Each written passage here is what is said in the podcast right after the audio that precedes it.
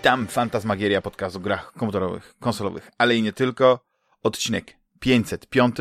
Ja nazywam się Damian Paluka Dachman i ze mną jest Rafał Ściński, aka Sik. Witaj, Rafale. Cześć, Damian. Dzień dobry, dobry wieczór, słuchaczki i słuchacze. Nie ma z nami dzisiaj naszego yy, mądralińskiego Juliusza, bo jest yy, na wakacjach, już się byczy na wsi gdzieś tam. No i nie dostał, yy, jak to się mówi, dyspensy od żony, więc to się mówi siła wyższa, nie? Ale yy, postaramy się coś wymyślić następnym razem. Jakiś może, yy, jakąś petycję wystosujemy do szanownej małżonki, bo jednak e, przydałoby się. Ale to znaczy, że Rafale, ty będziesz miał tutaj większe forum. Nikt się nie będzie zagadywał, nikt się nie będzie przerywał, nikt się nie będzie tam strofował, więc ja się bardzo cieszę. To aż nie jest tak ważne, to nie jest aż tak ważne, natomiast no, no, ta, ta historyjka, którą sprzedałeś jest, jest dobra, no ale prawda jest taka, że Jules y, uciekł y, w głusze, y, chowając się przed fanami Xboxa. I to, tutaj trzeba powiedzieć, że e, nie poddaje się on w swoich, w swoich e, opiniach, w swoim, swoim e, zacietrzewieniu, mhm. ale przez jakiś czas go z nami nie będzie. Tak, ale jesteśmy myślami z Juliuszem. Powiem e, tak, bo dzisiaj rozmawialiśmy przed podcastem. Bardzo ważny taki temat ekologiczny był. Rozmawialiśmy o pogodzie, o temperaturach, o burzy. I ja ci chciałem powiedzieć, Rafale, że u mnie też było gorąco i wyciągnęliśmy basen, ten taki dmuchany i nawet trochę się popluskałem. Y, co mhm. mi pozwoliło trochę się zregenerować, bo jednak, y, wiadomo, te upały swoje robią. Y, no niestety teraz, teraz znowu się czuję, że mógłbym się popluskać i tak sobie myślę, że są na Twitchu takie fajne programy, w których no, osoby różnej płci, przeważnie płci kobiety, Yy, robią takie właśnie filmiki, że nagrywają streamy z basenu. Tak sobie myślałem, moglibyśmy być pierwszym Ale podcastem, który rzecz. nagrywa podcast w basenie.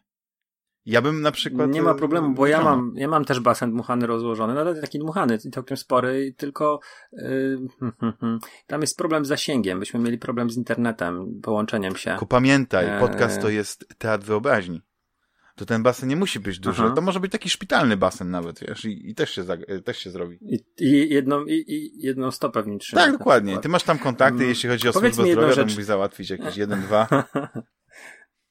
Powiedz mi jedną rzecz, bo ja nie mam Twitcha, nie, nie używam, nie, nie oglądałem tak naprawdę mm, poza streamami na YouTubie, to nie oglądałem streamów. Mhm. I czy, czy, czy te dziewczyny w tych basenach, one grają w cokolwiek, czy one po prostu są w tym basenach i tam się, powiedzmy, no nie wiem, e, był kiedyś taki mhm. Mm, program na Polsacie Różowa Landrynka i tam dziewczyny też e, się, się w pościeli e, no, no gieły i przerzucały poduszkami. Później były taki program, chyba na TVN. Nie? Już nie mówię, że chyba na TVN doskonale w... pamiętasz, Polonia 1 i nie, tak dalej. Nie, pamiętam, nie pamiętam. Dziewczyny, dziewczyny w bikini i one prowadziły te gry, takie telegry, gdzie się dzwoniło mhm. i one były w bikini tam. E, czy, czy one grają w cokolwiek w tych basenach? Wiem, że mi nie uwierzysz, jak ci powiem, drogi Rafale, że ja tego ani jednego, ani pół streama, ani pół minuty żadnego streama nie oglądałem. Jestem po prostu e, no, wiem, że jest ten fenomen, no bo jak się coś tak przebija, to później powstają memy, ale ja na, na Twitcha no tak naprawdę nie wszedłem, żeby cokolwiek oglądać, odkąd a. Dr. Disrespect został zbanowany i do tej pory chyba nie wiadomo dlaczego. I jakoś tak, nie wiem, jakiś tak od tamtego czasu też nawet nie oglądam go specjalnie na, na, na YouTubie, no nie? Po prostu coś się stało, wiesz, kiedy to, to była taka, taka, takie żywe srebro, ten Dr. Disrespect. E, to była taka oczywiście kreacja, nie? Bo to, mhm. to nie, ten, ten człowiek tak, tak normalnie się nie zachowuje, ale chodzi mi o to, że E, coś, coś się wydarzyło, że coś w tym e, Twitchu pękło. Jednocześnie właśnie te wszystkie baseny, taka, taka, wiesz, e, znaczy, ja nie rozumiem po prostu polityki Twitcha, wiesz, i to jest ta polityka Twitcha, która mi bardzo nie odpowiada, bo banuje na przykład na tydzień, były takie historie, cosplayerkę, dlatego, że miała ciemny makijaż. Nie, robiła postać, która miała, nawet nie chodzi mi o to, że była, że ta karnacja ocierała się jakąś etniczność, tylko po prostu była to był ciemny makijaż, tak? A jednocześnie mhm. właśnie mhm. masz, e, że tak się wyrażę, no dosyć co mi nie przeszkadza, bo ja uważam, że wiesz, Twitch jest dla każdego. Jeśli są jakieś tam e, specjalne algorytmy, które wymagają tego, żebyś zalogował się i potwierdził swój wiek, to, to Twitch mógłby być tak jak OnlyFans, czy coś w tym stylu, tak? Że tylko na przykład jakieś ten, że te streamy mogłyby być w jakiś sposób ograniczone i tak dalej, ale nie rozumiem tej polityki i po prostu się odbiłem, tak? Później się okazało, że wszyscy ci, którzy odpłynęli do miksera za wielkie pieniądze, później w wielkim tam, y, y, nie wiem jak to powiedzieć, bo nie chodzi mi o styl, tak? Bo styl to raczej był, był, był śmieszny, no nie? No bo powrócili, jakoś podkulili ogon i wrócili na tego Twitcha, ale widzisz, y, nie rozumiem tej, tego, co się stało z Twitchem, tak? Całej tej, tej popkultury, która wyewoluowała. Bo oglądanie kogoś, jak ktoś gra, to też jest mało ciekawe. No chyba, że to są właśnie takie gry sportowe. Ja uwielbiam y, oglądać streamingi z wydarzeń sportowych, tak? Czy są jakieś, nie wiem, y, finały StarCrafta, tego dawno nie było, czy na przykład finały Counter Strike'a, bo tam jesteś w stanie wiedzieć, co się, co się dzieje, tam jest świetna realizacja i to jest no, no coś, co oglądasz jak E, jak właśnie wydarzenie sportowe i, i, i czujesz te emocje. A te wszystkie właśnie inne rzeczy to, to wiesz, nuda. I ja, ja e, wątpię, odpowiadając na twoje pytanie, czy te dziewczyny chociaż mają pada w ręce.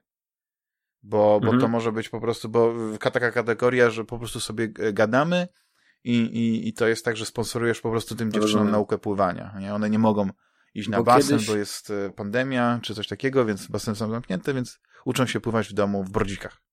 Kiedyś dosyć głośne były bany dziewczyn, które grały, a które miały na przykład zbyt skąpy strój, albo jakaś tam twitcherka e, przebrała się w trakcie streamu i w odbiciu lustra było widać ją w staniku i dostała bana. I to było, wiesz, yy, no jak się tam ma swój, swój feed, obojętnie czy to jest Facebook, czy to jest Twitter, to takie rzeczy gdzieś tam. to jest taka pluderia jakaś dziwna, e, amerykańska, niezrozumiała w ogóle. I dlatego zapytałem się, czy one, czy one grają, bo właśnie jeżeli grały, to jestem ciekawy, jak się bardzo zmienił ten, ten Twitch. Z drugiej strony, wiesz, na tych zdjęciach, które, które były, którymi były okraszone e, wszystkie te artykuły, um, ludzi zbulwersowanych mhm. i niezbulwersowanych. No, zbulwersowały się trzy osoby, dziewczyny... wielki portal zrobił z tego, wiesz, wielki, wielki news i nagle się zbulwersowało 10 czy tam 15 już. Na, na Twitterze naszym polskim to raczej to było potępiane. Samo ich istnienie, nie to, że ich zbanowali. I raczej większość giereczko, większość, ciężko powiedzieć, czy większość, bo to wiesz, ma, ciężko dasz pod jakimś wpisem wszystkie komentarze przejść, ale było sporo tych spisów takich, e, które, które były raczej za wtedy tą decyzją pierwszą, pierwszą taką, gdzie, by, gdzie te dziewczyny miały być zbanowane, a one dostały w końcu swoją własną kategorię. E... Wiesz o co chodzi, bo, bo w tych artykułach to jest tylko oburzenie tych oburzonych ale nikt na przykład nie przeprowadza rozmowy z tymi dziewczynami. To są te same. Y, to ja, ja uważam, że to jest ten sam kasus, czy jak to się ładnie mówi inaczej, ale tak, nie wiem, sprawa, case, jak było kiedyś z hostesami, które też na różnych targach mhm. były bardzo skąpo ubrane. I ja rozumiem, że komuś to mogło przeszkadzać, bo wydawało mi się, że te dziewczyny są uprzedmiotowione, tak? Tylko, że to nie jest uprzedmiotowienie, jakie było ileś tam lat temu, kiedy na przykład było, wiesz, niewolnictwo, czy był wyzysk i tak dalej.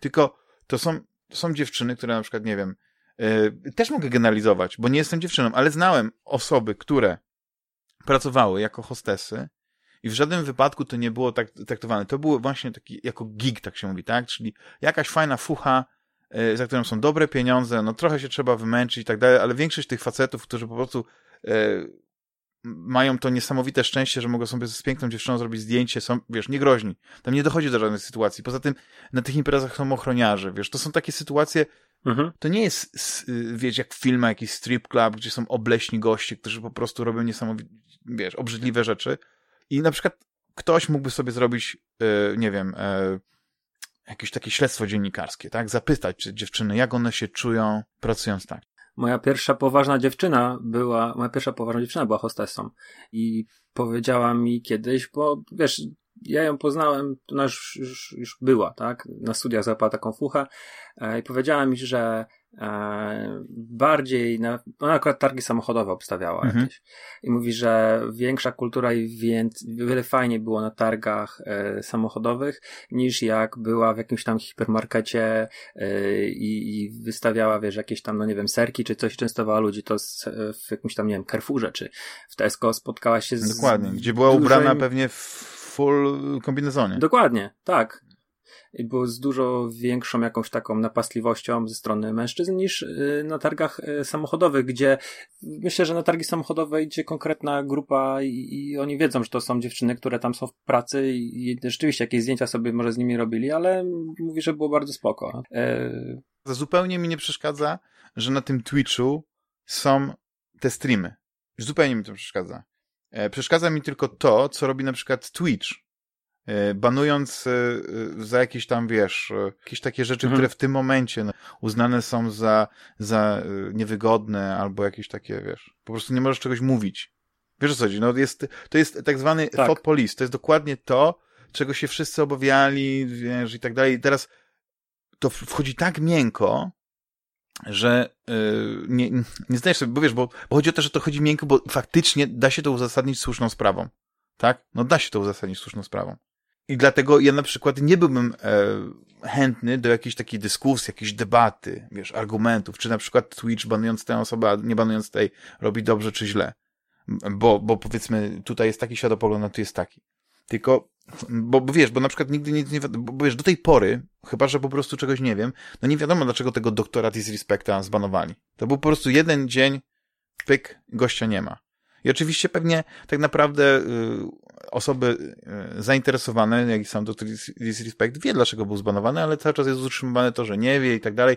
To, to już, nie wiem, dwa lata minęło od tego i no to jest, to jest w ogóle nie, inna nie, sprawa. chyba dwa lata, bo pamiętam, że tego dnia, kiedy go zbanowali, to też nagrywaliśmy podcast i tak. e, rozmawialiśmy o tym przed nagraniem, tak. więc to tak. nie mogło być, mogło być na półtora roku, ale myślę, że to jakoś to było tak mniej więcej, no czy, wiesz, no dla mnie brakuje w ogóle charakterów, że się tak wyrażę, różnych.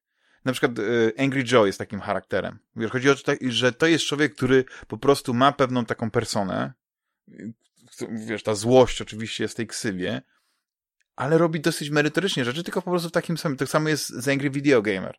Wiesz o co chodzi? Też tam jest dużo mhm. wulgaryzmów, dużo przeklinania i tak dalej, ale no, wiesz, no, no to, wiesz, to ja bym mógł wymieniać takich mnóstwo, no tak samo jak Zero Punctuation. To jest fajna rozrywka też, nie? Przede tak, wszystkim. chodzi mi o to, że taki, tacy ludzie się fajnie wybijają, takich się ludzi ciekawie ogląda, dlatego, że to są, to są ludzie, którzy e, e, łączą ten, ten rant z tą, z tą pasją, więc jest i rant i jest merytorycznie, nie jak to powiedzieć.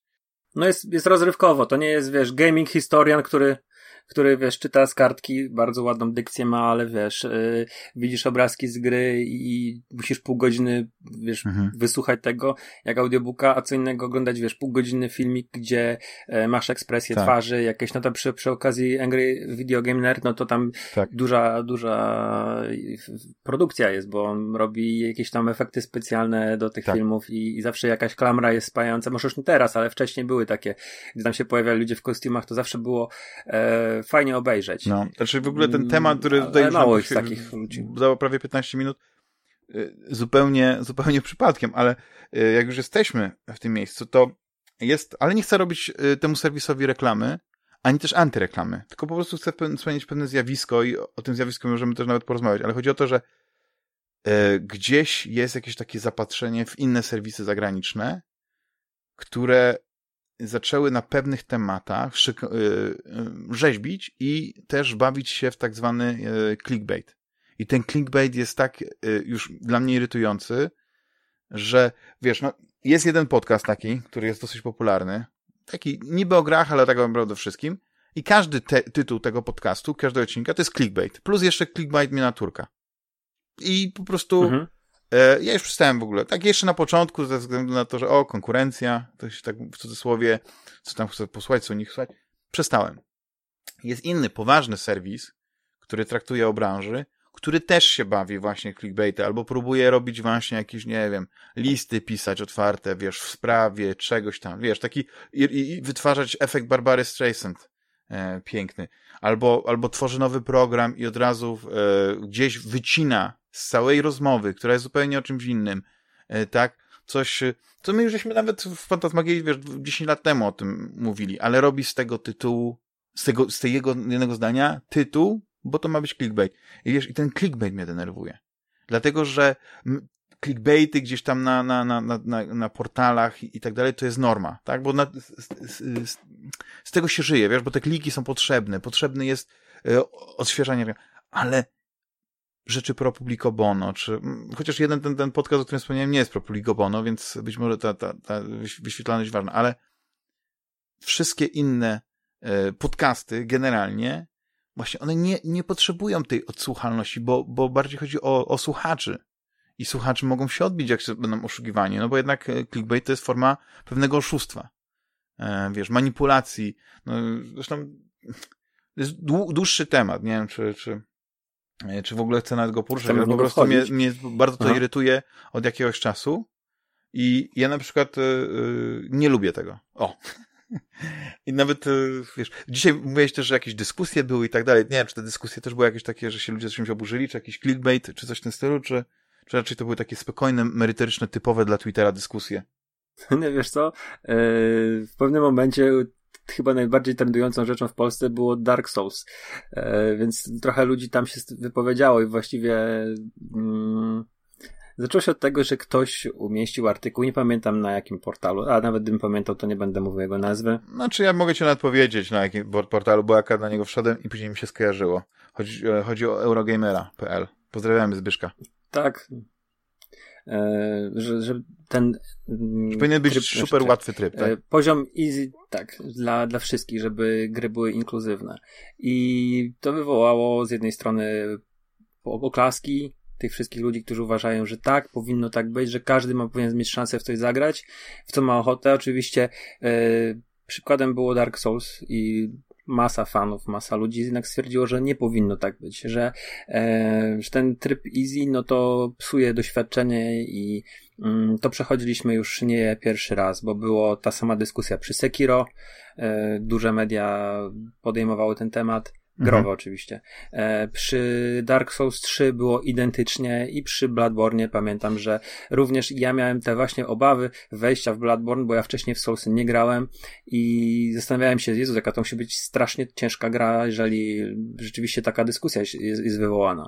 Natomiast e, prawda jest taka, że e, ci wszyscy, w ogóle z jednej strony mam wrażenie, że mm, gry jako takie już fajną drogę przeszły i są medium dojrzałym i mam, mam takie wrażenie, że pojawiają się coraz większej ilości um, ty mówisz, że tego nie ma, tych twórców, takich, którzy się gdzieś tam e, te twarze rozmywają w, w może na, na tle firmy, dewelopera, mm, wydawcy. Natomiast ja uważam, że coraz więcej takich twórców jest. Y, są mniej albo bardziej głośni, ale są rozpoznawalni, ale też właśnie takie wo wołanie do ludzi, ludzi właśnie fanów, w cudzysłowie, ale graczy, e, wołanie do tych deweloperów o, jako community o pewne rzeczy, e, psuje mm, ten obraz dojrzałego medium. Że wiesz, twórca ma jakąś koncepcję, jakąś wizję, y, nie tylko na fabułę, nie tylko na klimat, nie tylko na art style gry, ale też na, a może przede wszystkim, na mechaniki, jakie ta gra ma mieć i jak ma być odbierana pod tym względem właśnie grania w, w od, odbierania tego tytułu poprzez interakcję. I mm, Miyazaki ma konkretną wizję tych gier. E, I wołanie tego trybu easy jest e, właśnie odbieraniem twórcy pewnej mhm. niezależności, mhm. pewnego samego możliwości wyboru, jak ktoś, kto na ten tytuł się zdecyduje, będzie go odbierał. E, tyle chyba ode mnie, bo ja uważam, że te gry nie są wybitnie trudne. No tak. No. Mm, one są wymagające, ale jeżeli poświęci, ma się ten czas i poświęci im się odpowiednią ilość yy, skupienia i, i, nauki, to one są naprawdę bardzo, yy, bardzo fair wobec gracza. Dodatkowo uważam, że na przykład yy, poziomy hard w niektórych strzelankach są dużo bardziej trudne. Yy, Call of Duty na Very Hard to, czy na weteranie, to naprawdę ginie się na potęgę i, i e, jest tylko jakiś, wiesz, jeden możliwy sposób przejścia danego mhm. korytarza. Natomiast y, Soulsy, jeżeli, jeżeli, no, wydaje mi się, że gracze udowadniają, że jeżeli można tę grę przejść na macie do tańczenia, jeżeli można ją przejść na e, bongosach, to, to chyba mm, to się tutaj. No, ale to są już takie przypadki, które bym tutaj nie, nie dałam, że gra jest prosta, że można, tak prosta, że można przejść na Ale nie, że wiesz... Nie, nie, nie, nie, wiem o co chodzi. Chodzi o to, że są, są goście, którzy są, już nawet nie chodzi o, o kontroler, tylko e, jak ktoś e, w kółko, albo w ogóle, na przykład właśnie wspominając tego Twitcha, ma taki kanał, w którym jest poświęcony Soulsom, to ci ludzie, mhm. robiąc te speedruny, chcą pobić te rekordy świata i tak dalej, to naprawdę miałem grę opanowaną do perfekcji. Nie, że świetnie grają, do Jasne. perfekcji. Ten timing jest ważny, tam, tam chodzi o, o czasami o, o uczknięcie tam jednej sekundy z tego. Ale oni wiesz, potrafią ja grać o tym, że na przykład bez... ktoś przechodzi tak. soulsy nogami. Tak. Ktoś przechodzi soulsy nogami i bez ale zbroi, pojawia się głos niczego, właśnie o tym, że był tryb, był tryb easy, bo ludzie niepełnosprawni nie mogą w tę grę grać.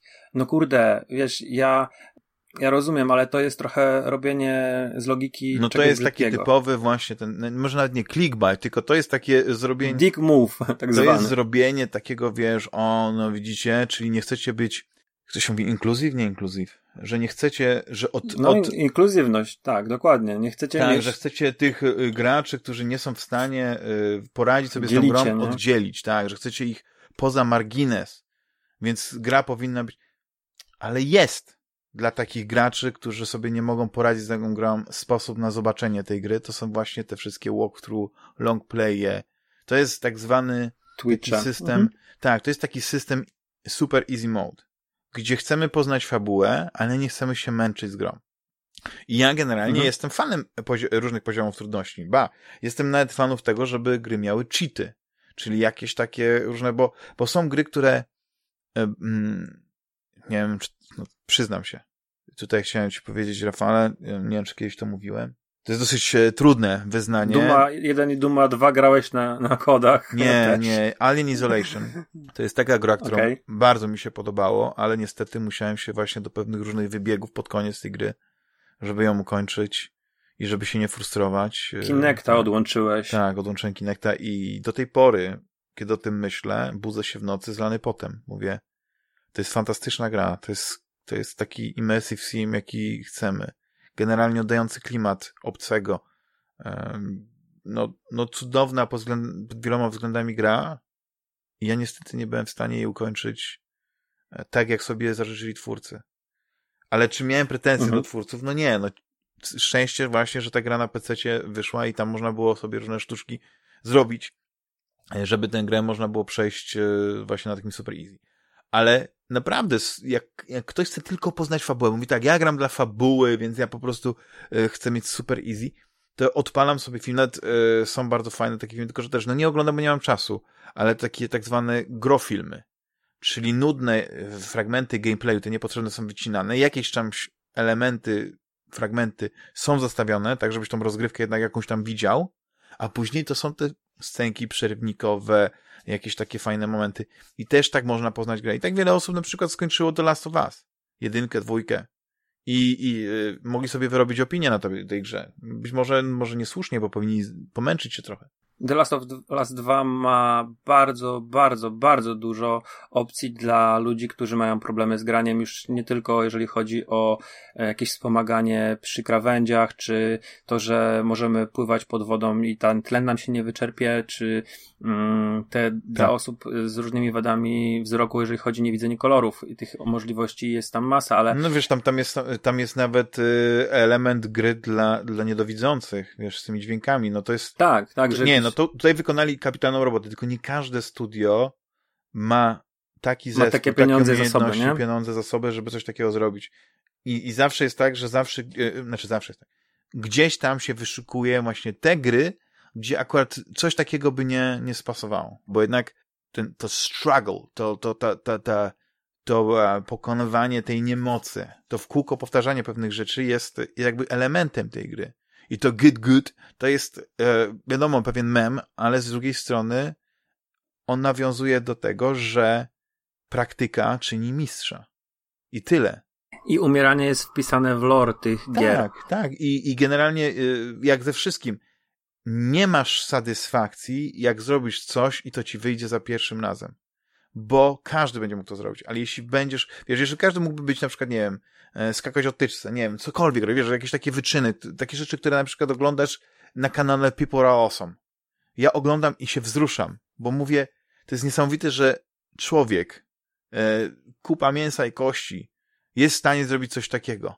i ja się wtedy autentycznie wzruszam. To jest taki moment, gdzie po prostu film żadna, jakaś komedia romantyczna, jakaś historia mnie tak nie wzruszy, no chyba, że zakończenie jakiegoś fajnego serialu, który oglądam. Jak, jak to, co ci ludzie robią. I to nie jest tak, że oni na przykład mówią, kurczę, ja sobie tutaj coś ułatwię, coś tam ten. Nie, nie, nie. To są setki, tysiące godzin praktyki, które doprowadziły do tego, że oni po prostu robią rzeczy, których tak naprawdę e, zrobi może kilka osób na całym świecie, wiesz, miliarda. I to jest satysfakcja. Wiem, wiem o czym mówisz, bo oglądam na Reddicie i na YouTubie filmy um, ludzi, którzy robią triki kart z kartami do gry. E, no niestety ja mam lewą rękę mocno połamaną i nie jestem w stanie e, robić pewnych rzeczy, Lata więc tylko sobie patrzę na to. Proszę. Natomiast, natomiast e, nie, wiesz co, uderzyło kiedyś o mnie auto i tą rękę mi połamało. E, natomiast, wiesz co, jeszcze a propos tych e, mhm. Dark Soulsów. Dwóch rzeczy nie rozumiem. Dlaczego uparli się na gry Souls-like'i? Bo to jest rzeczywiście... A, mm... Nie, wiesz dlaczego? Ja ci powiem. Dlatego, że to jest właśnie taka gra, która momentalnie, momentalnie, jak tylko powiesz, że Dark Souls miałyby być prostsze, dlatego że ktoś ten, to momentalnie wywołujesz wilka z lasu. Wiesz o co chodzi? Wyciągasz taką płachtę czerwoną i lecą ci wszyscy fani Dark Soulsów na, na, na tą czerwoną płachtę. I to jest taki easy target w tym temacie. Może masz rację, bo wiesz, są setki gier, które są dużo mniej przystępne. Nie mówi się o tym, żeby na przykład, nie wiem, megameny były prostsze albo. Megameny, ale wiesz, jakieś gry strategiczne, stare. jakieś wiesz, takie. Yy, tak, ale to jest stare gry, ale teraz te co wychodzą, jakieś wiesz, gry strategiczne, nie wiem, z typu Stellaris, czy yy, symulatory yy, jazdy, Formuła pierwsza, czy.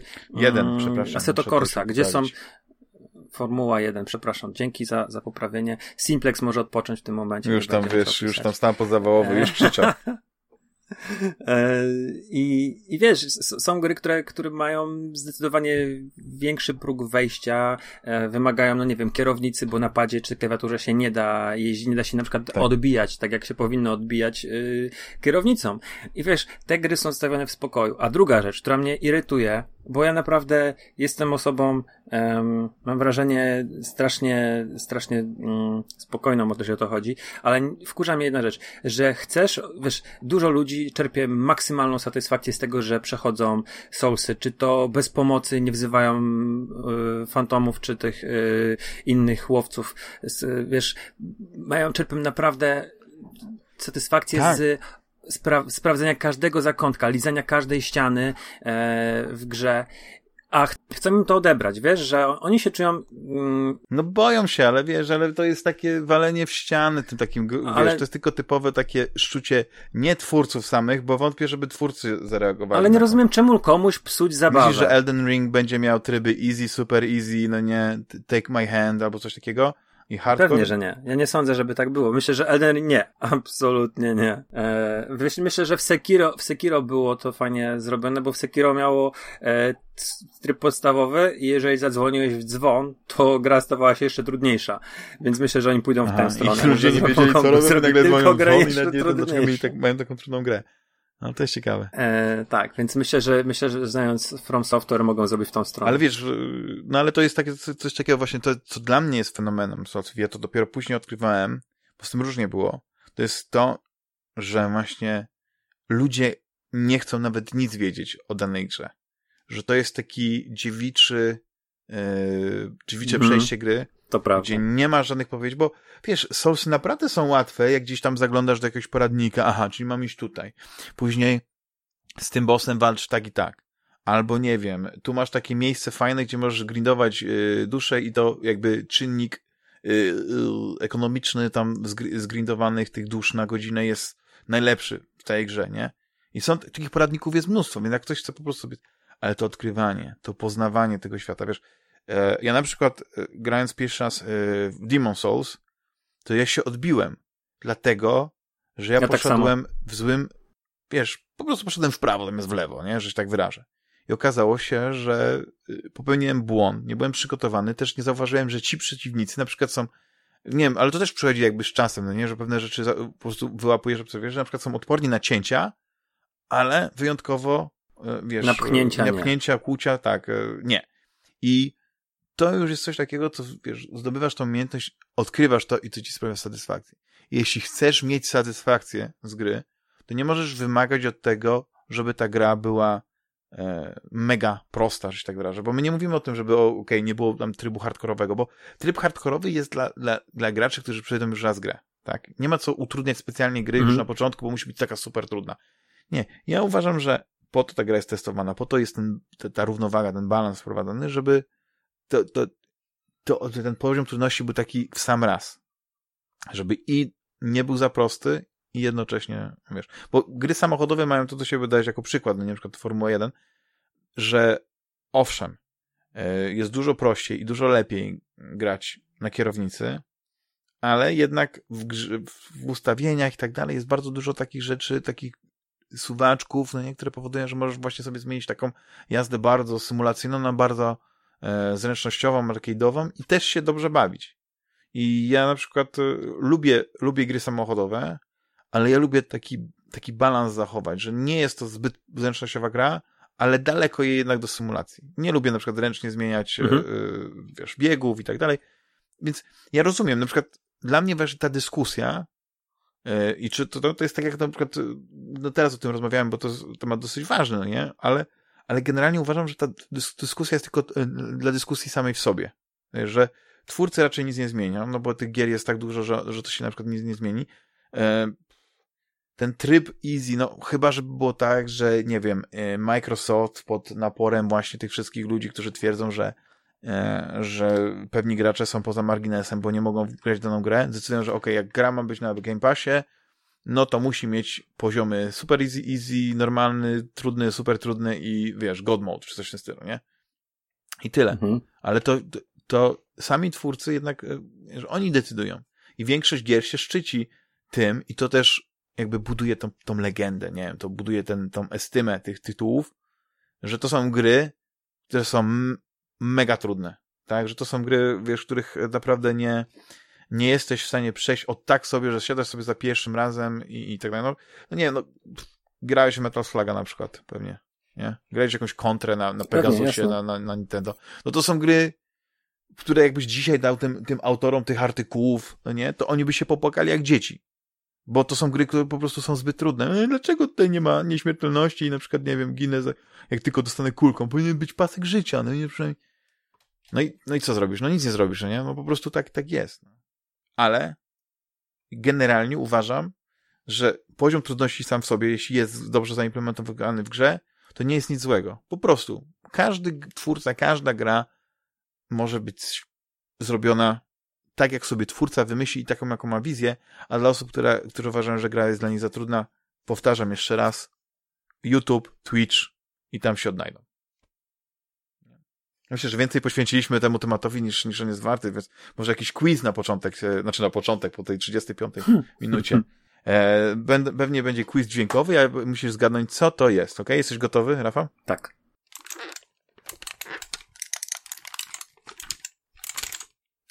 Ok? Nie wiem, czy nie było za cicho. E, Czy słyszałeś? Czy mam powtórzyć? To była kostka Rubika. Nie. Nie. Okej, to poddaję się. To je... Zrobiłem tak i zakręciłem kółko. To jest mój drogi joystick na mikrostykach. Y, To jest e, Okej, Quick ale Joy wiesz, 3. to brzmiało jak, jak to brzmiało jak y, kostka, kostka Rubika, ta sportowa taka, co się bardzo szybko obraca. Czy w ogóle ale ta kostka Rubika sportowa, to, to, to tak się zastanawiam, czy to przypadkiem nie jest, e, czy one są w ogóle bezszelestne, bo one się obracają tak szybko. Wiesz, jeśli możesz w 5 sekund ułożyć kostkę Mają Rubika, jakiś to, taki dźwięk. to jakie tam muszą być łożyska, jakie tam muszą być niesamowite rzeczy, że się tak wyrażę. Okej, czyli grasz, grasz na Amidze ostatnio. Tak, rozumiem. no to jest tak, to było tak, bo taki, y, taka mała zmiana tematu. No chyba, że chciałeś jeszcze coś tam dożyć do tych trudności. Nie? Tak go zamknąłem, bo tak sobie pomyślałem, że y, biadolę o tym, jak to, jak to biadolą ci e, twórcy artykułów. Mam jedną hardkorową grę, w którą ostatnio grałem, ale to w kąciku, w co ostatnio graliśmy. Dobrze, dobrze. No to ja tylko powiem, że ja w końcu postanowiłem, że jednak zakupię. Długo się z tym e, długo z tym walczyłem, bo ze względu na, na, na, cenę, bo to kosztuje tam 100 zł, niecałe, to zależy, no nie? Kupiłem sobie adapter USB, dzięki któremu mogę te 9-pinowe, te stare joysticki właśnie, tak zwane typu Atari, czy od Amigi, Mhm. Commodore, podłączyć do komputera i wykorzystywać je w, mm, w symulacjach, w, w symulacjach, w emulatorach.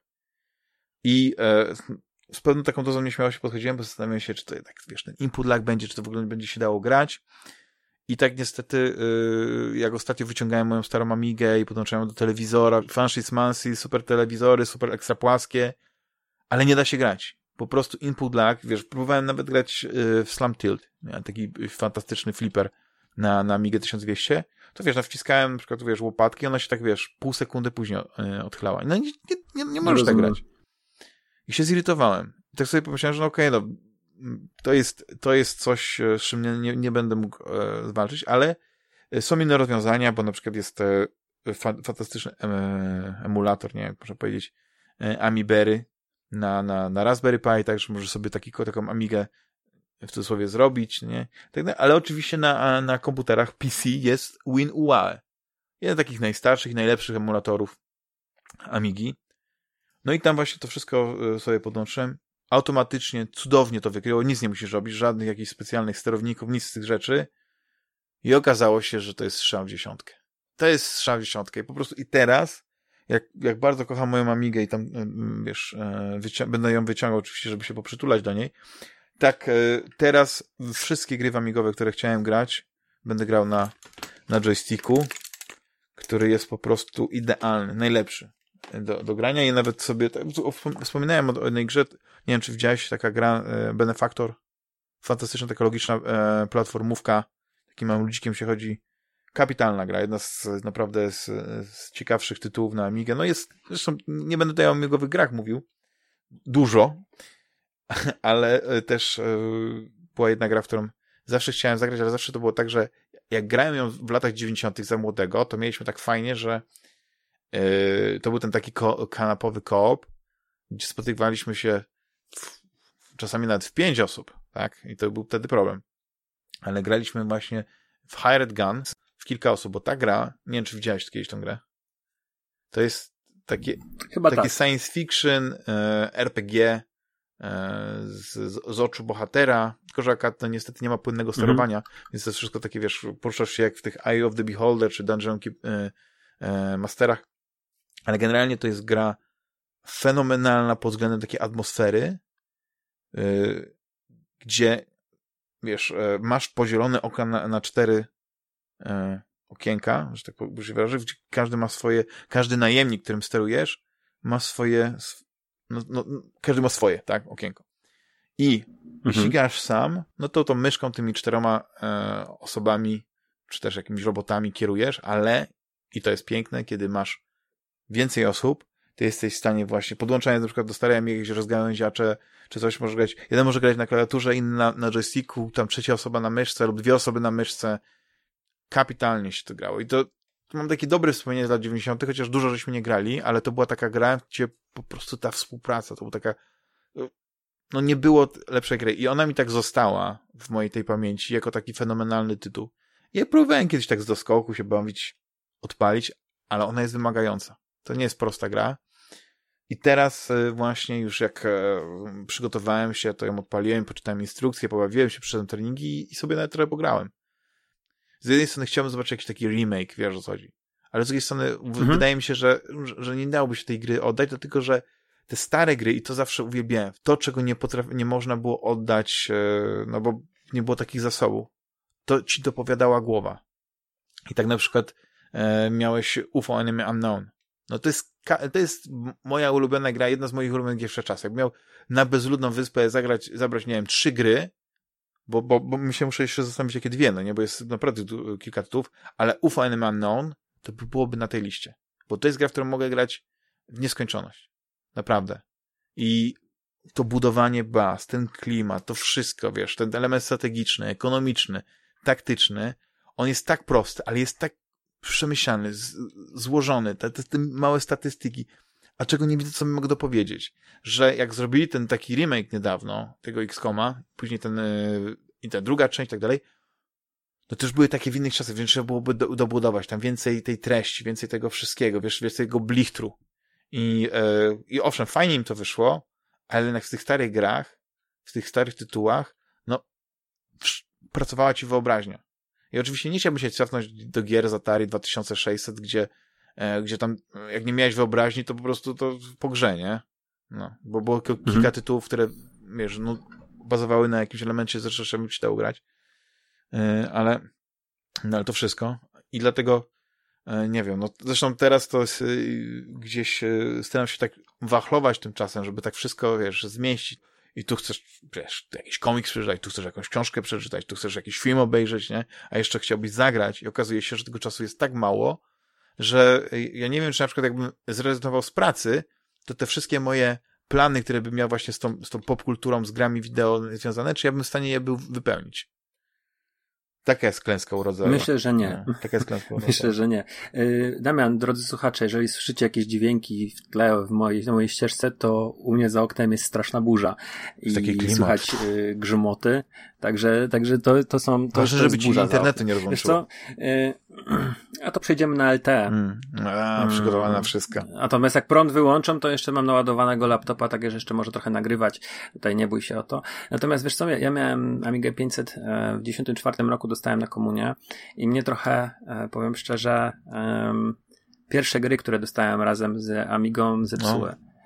Nie wiem, czy ty znasz taką grę Sword of, Sword of, Sword, Sword of Honor. Sword, tak.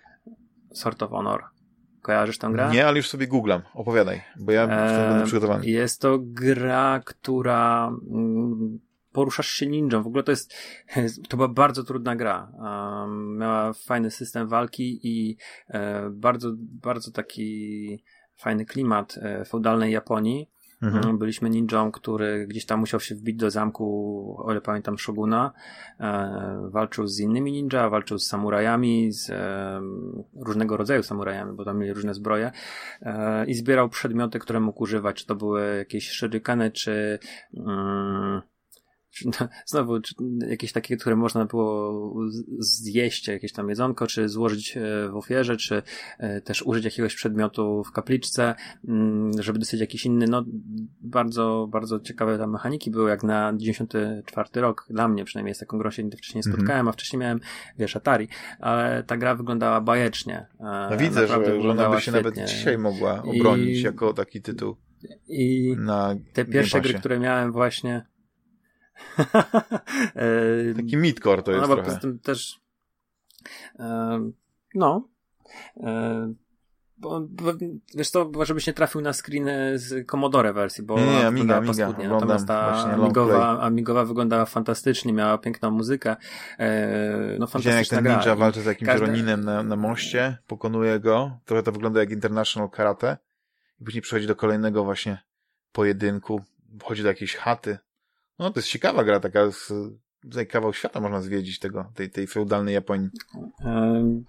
I wiesz, wszystkie gry, które gdzieś tam z, tych, z tego pierwszego rzutu, które miałem razem z komputerem, wyglądały bardzo, bardzo dobrze i ciężko mi było e, naprawdę trafić na coś podobne, podobnego jakości graficznej, więc mnie dużo gier, takich klasyków, o których ty mhm. wspominasz, e, prawdopodobnie ominęło, nawet wiesz, jak, jak dostawałem coś e, na, na dyskietkach od znajomych, którzy mieli Amigę, to ja mogłem się odbić właśnie, bo to nie wyglądało tak, jak ja sobie do, do tego, czego byłem przyzwyczajony na początku.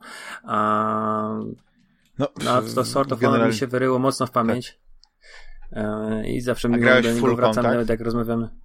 Na, na Amigę? Mm, Musiałbym sobie spojrzeć, co to jest. Też, też gra, e, gdzie, gdzie miałeś właśnie walkę, tak, wręcz, że tak wręże, e, z kapitalnym intrem, który, który jakby taki wykorzystał taki fajny efekt, nie, e, płynnie, taki, to był taki cień na, na tle zachodzącego słońca i miałeś taki ultra płynny e, cień człowieka właśnie e, ćwiczącego wiesz, e, Wiem, my, tai chi, czy jak to się nazywa. My rozmawialiśmy, ja, ja, ja tę grę kojarzę, ale my do tego, że nie rozmawialiśmy już kiedyś. Tak? E, nie grałem w nią chyba. Znaczy ja nie pamiętam, że kiedykolwiek ja nie wspominałem na Fantasmagierii, ale... Ale nie, wydaje mi się, że mogło być w prywatnej Aha. rozmowie o tym ćwiczącym człowieku na tle zachodzącego tak. słońca, takie pomarańczowe tło i, i, gdzieś tam ten poruszający się płynnie e, cień i chyba mm, i chyba dlatego ja, ja kojarzę, że to obejrzałem, bo teraz jak sobie spojrzałem na, tak. na screeny, to je kojarzę, natomiast mnie się wydaje, że to raczej z prywatnych tak. rozmów. E, nie grałem w tę grę. Ale też kapitalna. Zresztą w ogóle no, na Midze jest tak, że jest też dużo badziewia, no bo to jednak sprzęt, który wyszedł w latach, e, w połowie lat 80. Więc te pierwsze gry mhm. nie wykorzystały, nie wykorzystywały potencjału, jaki, jaki w takiej nawet bazowej Amidze 500 e, był. Później oczywiście jak już e, ten tam 1 megabajt to była taka podstawa, to i gry zaczęły wyglądać lepiej. I to, co ludzie pod koniec życia tej, tej, tego komputera potrafili na tym sprzęcie stworzyć, to już jest e, coś niesamowitego. No jedna z gier, o której wspominałem, bo zrobiłem taki właśnie szybki sondaż na, na, na grupie Fantasmagierii, polecam, proszę się dodawać, tylko odpowiadać na pytania. E, to była właśnie gra Universe, przygodówka, gdzie jakimś tam niesamowitym sposobem e, uzyskano 256 kolorów właśnie na, na, na, na zwykłej bazowej 500. Nie na AGA kości, 1200, tylko właśnie na tej podstawie. Albo gra Lionheart. Lionheart to jest najpiękniejsza y, platformówka z Amigi, jaką pamiętam. E, bo jest mnóstwo świetnych gier, tam Shadow of the Beast, ja bardzo lubię Soccer Kida, bo też miał bardzo ładną grafikę na niej, Super Frog, to każda, każda jest jakby troszeczkę inna, mhm. ale Lionheart miał fenomenalną grafikę. To, co oni tam jak mi się udawało w, na tej paralaksie wykorzystać te kolory, żeby, że było ich tak dużo, że to no, taka feria barw, do tej pory nie jestem w stanie powiedzieć, jak oni to zrobili. No, no to się nie znam, nie wiem, że nie jestem programistą, mówię, kurczę, jak oni to zrobili, jak siedzę nad tym, programuję i nie mogę. Nie, ale chodzi mi o to, że oni wycisnęli coś z, z tego komputera niesamowitego. No i zresztą Amiga, yy, też ciężko mi się o tym mówi czasami, ale yy, gdybym wiedział, że ja będę miał taki sentyment do Amigi, to wiele rzeczy z, z tamtych czasów yy, jakby bym zachował bo, bo z Amigą jest, to było tak, że Amiga, wtedy to nie liczyło się, czy marka komputera, tylko liczyło się, żeby mieć lepszy komputer, żeby mieć lepsze gry. Pewnie. I ja miałem Atari, Dokładnie. to Atari e, sprzedałem, ale to się okazało, wiesz, sprzedałem je, wiesz, ono zostało w rodzinie i później po latach jakby ja je odzyskałem.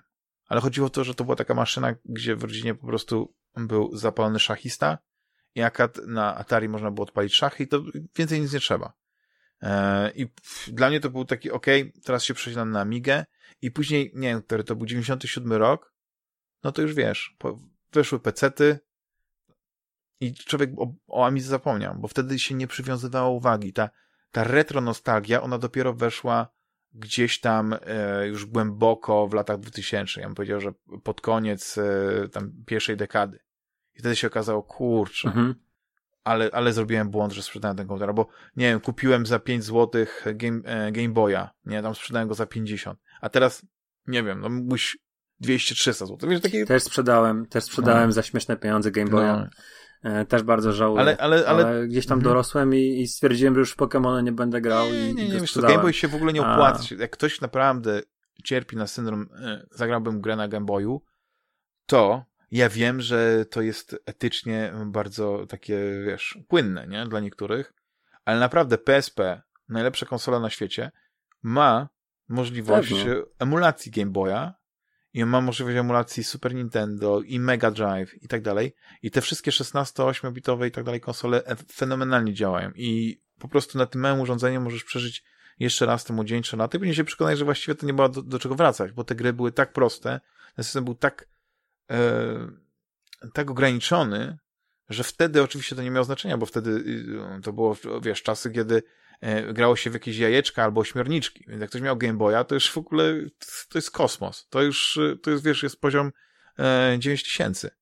I, i, i, ale też masa krapów była na tego Game no Boya. No oczywiście, Pamiętam, tak. że co się wymieniałem na jakieś gry, to po prostu e, co, co, co jedno to gorsza. Dokładnie. Nawet w pewnym momencie w ogóle ta, ta konsolka chyba, tak mi się wydaje, przynajmniej te handheldy w Polsce były popularne, bo gdzieś tak na początku lat 2000 albo końcówka 90 to nawet było czasopismo chyba poświęcone tylko Game Boyowi. Mhm.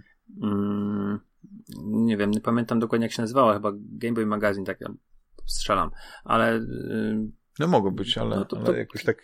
Jak wchodził chyba Advance, to, to chyba to, to, tak. chyba to pismo zaczęło e, wychodzić. Ja sprzedałem właśnie Game Boya z myślą o tym, że kupię Advance'a, ale e, to były też czasy, kiedy poszedłem do liceum i e, wiesz, z 15-latka, który grał na Game Boyu, stałem się 15-latkiem, który gra w klubie bilardowym w bilard. Byłeś hustlerem, e, na pieniądze no to już ten, grały, nie? Już te, nie, absolutnie, ale... Mm, nie bądź taki skromny, Rafale, wiemy e, wszyscy. Nagrałem nie, w życiu nie Paul Newman jak zagrał cię w filmie. Jak to się Ko Kolor pieniędzy, mm. taki jest tytuł? Dobrze pamiętam?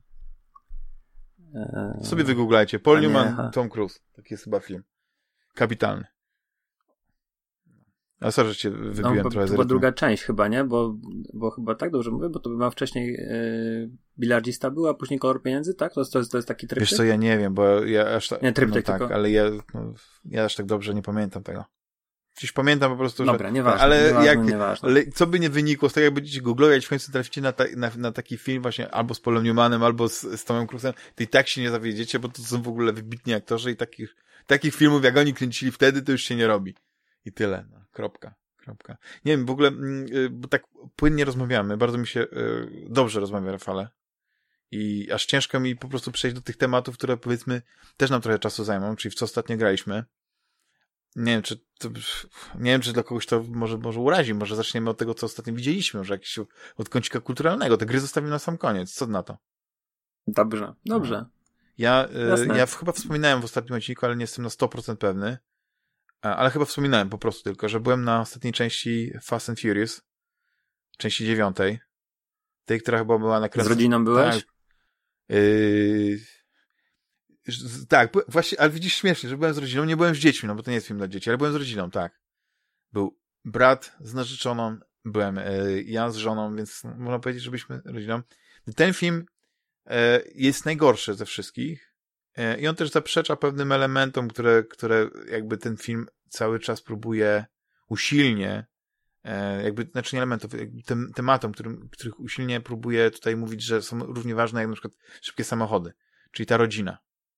I tu się okazuje, Mhm. że wiesz, dom, który zawsze tam mówi, że nieważne co zrobiłeś, bo co zrobiłeś, ważne, że jesteś rodziną, no nie? I tam e, w poprzednich częściach, które uważam za dużo lepsze, e, to się przewija i to to przebaczenie tego doma e, jest, jest no wręcz takie, jakby to powiedzieć, jakby cię właśnie sam Don Corleone namaścił, powiedział, że rozumiem błędy młodości, w końcu, ale jesteś rodzi rodzina jest najważniejsza. Il familio, I'm your padre i tak dalej. I tutaj, żeby wcisnąć tego Johna Cenę, czy Senę, do tego filmu, to musieli No po to prostu Sinę. zaprze... Sinę, tak, przepraszam. A tutaj widzisz, że jesteś fanem wrestlingu, to lepiej się orientujesz. Wrestlingu oczywiście. O, A, you can tak, ale to, że oni go musieli tam wcisnąć, to oni po prostu e, zrobili taki myk, bo tam jest, uwaga, będą spoilery, ale tylko tam e, tych pierwszych tych kilku minut. Wiesz, zrobili retrospekcję. Dobrali tam aktorów, no tam, wiesz, zupełnie niepodobnych y, do, do tego, chociaż głos, aktor, który gra młodego Dominika Toretto, y, ma dosyć y, podobny, też taki niski, wiesz, y, dudniący, taki, jakby to w jakimś, przez bęben mówię, jakąś tubę. Ale cała ta, cała ta historia, tak, że z jakiegoś niedopowiedzenia, z jakiejś mm, nieinformacji, jakiegoś takiego tego, wiesz, zbudowało się tą legendę, że jest tutaj zatkajcie uszy, uwaga, będę mówił, brat Dominika, którym się nie działa przez, nie wiem, 30 lat, czy coś w tym stylu, tak? Bo go wyklął z rodziny, Mhm. dlatego, że jest winny czegoś, coś tam właśnie wtedy wydarzyło.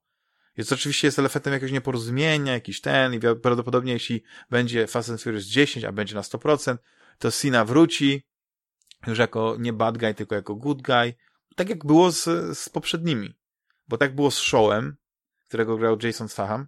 Tak było z, z, yy, z Dwaynem Johnsonem, który grał tego Hobbsa. I Mhm. ja to rozumiem, no to jest taki, ale to jest takie typowe dla telenoweli, czy jakichś seriali taśniącowatych, wiesz? I to taki się trochę zamienia ten serial, że gdzieś ten bad guy zdobywa sobie sympatię widzów i później ci widzowie go tak lubią, że ta, ta, ta, ta energia, ta miłość tych wszystkich widzów zmienia tego człowieka. I okazuje się, że to, że on zabił dziesiątki tysięcy ludzi, no, no, no przesadzam może z tym tysięcy, ale dziesiątki ludzi, tam są, wiesz, tak jak pamiętasz na sceny, kiedy pojawia się show po raz pierwszy, taka scena w szpitalu jest, Fast and Furious, no to tam się trup ścieli gęsto, nie? Tam to, wiesz, jeszcze po prostu e, dorzuca granat jeszcze, tak wiesz, żeby ten szpital tak jeszcze dobić, nie? I nagle później się okazuje, że no tak, ale tak naprawdę ten jest dobry i ci, ci, ci, tylko nie mówmy o tym, co się tam wydarzyło wcześniej, bo tak naprawdę to wszystko to jest tak, że on, on jest niezrozumialny. On po prostu gdzieś tam ktoś go zdradził i dlatego on wszedł na tą złą stronę, ale tak naprawdę to on tego brata tak kochał i dlatego tego, tego tak Dominika chciał e, dorwać i się zemścić, bo to właśnie ta, ta rodzina też jest ważna dla niego, nie? Ale yy, no tutaj to gdzieś tak odbije się. Ale jednak, mimo wszystko, wracając do, do, do tych lepszych części, to ja, ja uważam, że fa seria Fast and Furious, szczególnie od części czwartej, tak? Bo ta pierwsza część była ok, ale to zupełnie nie myślał wtedy, że zrobi się z tego tasiemiec. Dwójka, czyli Too Fast, Too Furious, e, tylko z Paulem Walkerem, bez, bez Dominika Toretto, e, bez Vina Diesla, przepraszam. To był taki naprawdę e, ciekawy gdzieś tam e, sequel do tej, do tej pierwszej części. Ale później było Tokyo Drift, czyli taki odskok. I czwarta część to właściwie tak naprawdę rozpoczęła tą nową erę Fast and Furious. Czyli stworzyła Fast Cinematic Universe, czyli odpowiednik tego, co jest w Marvelu z tam superbohaterami. I nawet słyszałem, że, że Dominic Toretto to jest Kapitan Ameryka i tak dalej. Pierwsza część no to było mm, Catherine Bigelow zrobiła film z Patrickiem Swayze i z Keanu Reevesem na fali, tak? I ta pierwsza część Fast and Furious, no to było na fali tylko z samochodami. Tam była taka fabuła, że policjant pod przykrywką dołącza do gangu, który e, zajmuje się kradzieżami i jakąś tam przestępczością, a są amatorami może nie jakiegoś skakania ze spadochronem, ale... Niebezpiecznych wyścigów samochodowych. No, tak? niebezpiecznych wyścigów, tak, dokładnie. I tak, z takiego filmu, gdzie... Mm, właśnie takiego, powiem tak, jeszcze ci powiem jedną historię, e, ale to nie wiem, czy jej nie opowiadałem przypadkiem, A ja lubię powtórzę, ale to już nieważne. E, ale on, to, to, że w ogóle skupiał się e, fajny rozrywkowy film z fajną obsadą, e, skupiał się na tym świecie tuningu, tuningów i wyścigów nielegalnych i w ogóle samochodów. E, on dlatego zdobył taką popularność, bo takiego kina Mm, mainstreamowego nie było. Tak. Ale Później bardzo dużo filmów się z... zrobiło po tym, jak on odniósł sukces. Był ten Torque, ten Need for Speed był też Pewnie film i tak, tak dalej. No, było kilka takich filmów, które jakby wyskoczyły. Nawet polski taki jest e, chyba Diabeł, czy coś takiego się nazywa. Nie? Mm, zanim pozwolę. Chyba masz rację, coś takiego jest. Nie oglądać. E, natomiast kiedyś wracałem z znajomymi z, z festiwalu w Łodzi, Black Beer Festival i mm, wjechaliśmy na na, na Alei, Alei Włókniarzy i mieliśmy po prawej stronie cały prawy pas samochodów mieliśmy, które jechały tam powiedzmy 20-30 km na godzinę e, i to były takie fajne fury różne, ale też były dużo stoningowanych i zastanawialiśmy co jest grane, nie? A to była chyba rocznica śmierci tego Paula Walkera i po prostu ludzie tak oddolnie, w ogóle nigdzie nie znalazłem żadnej Aha. informacji o tym e, w gazetach czy coś, bo później sprawdzałem co to było, nie? I my jechaliśmy, jechaliśmy i to było naprawdę e, setki aut, to, to się ciągnął, ta, ten, ten sznur ciągnął, on jechał od, e, my wjeżdżaliśmy mm, przy skrzyżowaniu z, mm, z, z, z, z kurczę, już nie pamiętam w którym miejscu my tam mhm. dojechaliśmy, ale cały czas do, e, jeżeli ktoś zna, orientuje się w topografii Łodzi, do parkingu Portu Łódź ciągnął się, e, znaczy jechał też obok nas, bo oni mieli taką swoją prędkość. Sznur samochodów, oni tam gdzieś na tym parkingu mieli ustawione też spotkanie. To po prostu e, gdzieś dopiero na forum jakimś facebookowym znalazłem, że taki przejazd będzie miał miejsce i e, żadne gazety, bo też sprawdzałem, mhm. czy tam portale internetowe nie znalazły, nie znalazłem takiej informacji, czy to oddolnie fani Na pewno jakieś forum tuningowe. Z okolic Łodzi. tuning, pewnie tak, tak, pewnie dokładnie tak. tak. Coś takiego, co nie wyskoczyło mi, wiesz, w pierwszej, w pierwszych tam dziesięciu wyszukiwaniach Google. Ale zaskoczyłeś bo ja nawet nie sądziłem o tym, że, że e, Fast and Furious był takim fenomenem nie mainstreamowym, tylko wśród właśnie tej niszy, tych, tych fanów tuningu. Że, ale no, wyobrażam sobie, że to ma sens, nie? Że, że to jest film, który jakby e, niesamowicie zareklamował tę, tę subkulturę, tak? Że tych, tych szybkich samochodów tuningowanych Myślę, że jakoś, wiesz, e, wprowadził ją do popkultury, do, zalegitymizował ich, no. E, Tylko widzisz, oni w czwartej części strasznie odeszli od tego. Zrobili fikołka, nie? Zrobili kino przygodowe, tak. I tam oczywiście są nawiązania do, e, do, do tych szybkich samochodów, ale gdzieś z drugiej strony to już nie jest, to już, to już się nie kręci wokół tych samochodów. To jest, mhm. to jest coś takiego jakby, wiesz, to są superbohaterowie, a ale jak im dasz jeszcze samochody, to oni są super, super. Bo oni z tych samochodów potrafią kurczę latać, wiesz, wszystko robić. I, ale gdzieś tam mi się strasznie podobało, bo czwarta część to było, wiesz, tam się chyba większość e, akcji dzieje w Brazylii. To jest kapitalnie, wiesz, żadnych takich, znaczy, jeśli są jakieś blue screeny i tak dalej, to tego nie widać. Bardzo jest dużo takich, wiesz, on location, nawet jak są jakieś tam pościgi, po dachach gdzieś tam skaczą i tak dalej. Widać, że... A to nie była piąta część? To nie była piąta część, czwarta nie była w Meksyku z tym podziemnym, z tym wyścigu w tych tunelach. A tak, przepraszam, tak, tak, tak, tak, tak, mm, A piąta część to była ro, był już rok i ten pościg za Dominikiem e, roku no, rządzą no, właśnie stary jestem, to mi się miesza, ale właśnie tak, bo chciałem powiedzieć, że właśnie od czwartego się jakby się zaczęło to, ale tak, w piątce mhm. wchodzi The Rock, szóstka też już jest taka jeszcze okej. Okay. W, czwarce, w czwartej wraca Rodriguez, nie? Michel. Tak, tak, tak, tak. Tam jest, e, no zresztą jest w ogóle takich całych motywów właśnie e, z tym, że ktoś się pojawia, ktoś znika, ktoś umiera, ktoś żyje, później się okazuje, wiesz. I takie, takie rzeczy są. Co jest ciekawe, że oni, dużo osób w tym, w tym filmie jakby zabili, a później jakiś w magiczny sposób, no nie, jakby królik wyciągali ich ale Paula Walkera postać jakby nagle cały czas w tym uniwersum jest, jest żywa. I ona już w tej części ósmej się nie pojawia, ze względu na to, że no, aktora nie była. Oni tą siódmą część przerobili i dzięki właśnie podobieństwu braci, dzięki grafice komputerowej, odpowiedniemu montażu, udało się jakby pięknie zamknąć tę, tę historię. I tam jest taki, i, i w ogóle końcówka, jak oni, e, jak dom razem z Polem tam jadą taka, taka droga i ona się później rozjeżdża i że to jest takie, że, że, że pożegnanie, ale nie, nie rozstanie, tak? Że, że rozchodzą się ich drogi gdzieś tam, gdzie, ale, i, i tam jest specjalnie e, zrobiony utwór pod to. Ja już zapomniałem jaki się tytuł ten, ale no, słuchałem tego i się wzruszyłem. Automatycznie, autentycznie się wzruszyłem i nawet mój syn, który się, który jest bardzo młody, nie? Bo 6 lat, on rozumiał, co się dzieje, jakby tak instynktownie. To było tak, tak zrobione wiesz, autentycznie wzruszył się. Widać było po jego minie, że, że, jest, że jest smutny. I to jest niesamowite, bo to jest kwintesencja umiejętności gry emocjami w typowym komercyjnym filmie, tak? Ale niestety, gdzieś tam mi się wydaje, że dopóki oni robili ten rynek, e, film na rynek globalny, ale nie myśleli o tym, że musimy na przykład dopasować do wspólnego e, mianownika, tak? Z, z różnymi elementami, które się pojawiają w filmie, to oni mogli naprawdę zrobić wszystko, co chcieli. W momencie, kiedy ten, e, ta seria okazało się, że najwięcej, szczególnie teraz, zarabia właśnie e, w Azji, tak też ten film został tak jakby skrojony pod, pod to. I to widać, wiesz, dużo filmów, w których e, Dwayne Johnson gra. To są filmy, które są robione za ogromne pieniądze i tam nikt nie ryzykuje. One naprawdę są, na przykład Skyscraper, który, na, na, na film, na który bardzo liczyłem, okazał się miałki, nijaki w swojej treści. Wiesz, e, nawet... E, Zgadzam ale, się. Ale nie chcę już wchodzić na bo to jest taki temat, wiesz, co mi się nie podobało, co mi się podobało, co uważam, że ten, to jest, to też jest kwestia, jak ktoś powie, no ale taka, no ale no ciężko mi zrozumieć, co ci się nie podobało, no nie, no przecież film ciekawy, akcja jest i tak dalej, nie, nie, nie, to chodzi o inne, o pewne sprawy, nawet można powiedzieć, e, zresztą nieważne zagotlopowałem się. Ale uważam, że na przykład Hobbs Show to też był film, który był mega słaby.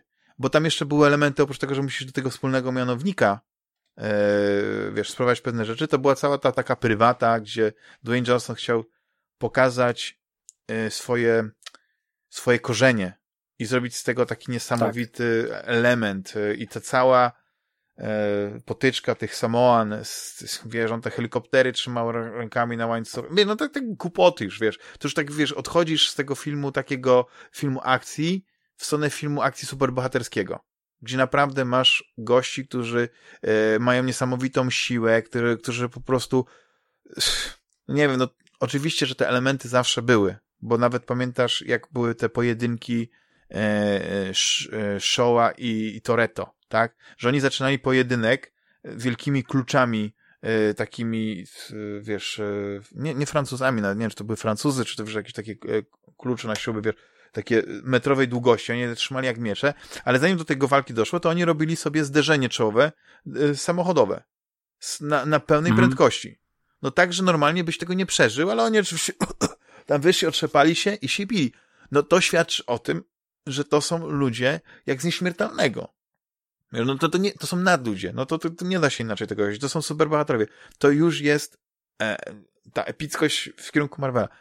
Ale póki oni nie zaczęli takich naprawdę głupot robić, to mi się strasznie to podobało, bo to był taki, taki element kina też przygodowego, wiesz, no takie absurdy w stylu, i to właśnie było w siódmej części, kiedy oni są, e, albo w Abu Dhabi, albo w Dubaju, albo gdzieś wiesz, no tam masz e, Mhm. Te wieżowce, tak, takie skoki między wieżowcami. Tak, oni jeżdżą tym samochodem, wiesz, rozpędzają się i przyjeżdżają, na przykład skakują z jednego wieżowca do drugiego, szybują i później do kolejnego. No to, to już zostało do potęgi setnej przebite, yy, jeśli chodzi o to, co się dzieje w, w części dziewiątej.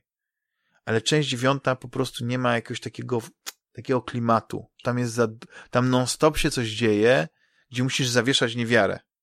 A jak musisz zawieszać niewiarę w filmie, w którym to zawieszenie niewiary jest jakby taki standardowy, no bo to jest film, wiesz, gdzie, gdzie zawsze coś jest z przymrużeniem oka, no to sobie mówisz, no to już, już, już mi się to jakoś tak dziwnie ogląda, tak już nie, niewygodnie, wiesz, tak jakby ktoś po prostu uważał, że efekt ponad wszystko, a, a wizji tak to kupi, nie? No. Zresztą y, ja nie chcę nikomu psuć y, jakby pójścia do kina, bo uważam, że może lepiej, żeby właśnie poszedł i przekonał się, no bo to nadal jest taki film, który e, dobrze się ogląda w kinie, ale dla mnie ta historia zamknęła się na siódmej części i to jest jakby taka, jakby miał komuś polecić obejrzeć Fast and Furious, to jest ta, to są te pierwsze trzy części, które jest jakby zamykają się y, Tokyo Driftem i to jest jakby osobno, to jest dla kogoś, kto, kto kocha piękne, szybkie samochody, wiesz, ten tuning i tak dalej. Jest to takie kino przygodowe, superbohaterskie z samochodami, ale i nie tylko gdzie wiesz, gdzie masz to assembly, gdzie masz e, jakiegoś wielkiego złego, gdzie masz e, heist movie, nie? Bo ta część właśnie piąta, e, gdzie oni tam, wiesz, robią wielki skok i tam później jest jeszcze jakiś twist z tym związany i tak dalej. To jest taki typowy, e, nie jak to się mówi, heist movie, tak? Tak się ładnie to.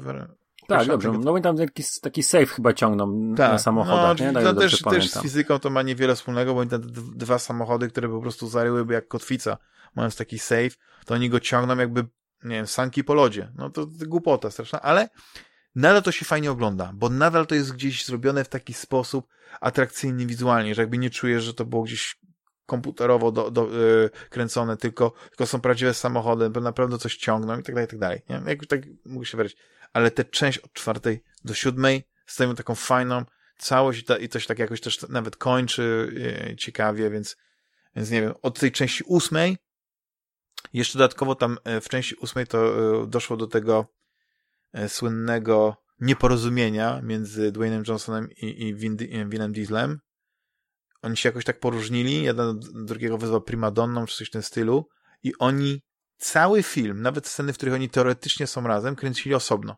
I, i, i tylko ten montaż, jakieś efekty specjalne pozwoliły jakby to złożyć, że kręcili ten film do końca ale widzisz, że coś jest nie tak, nie?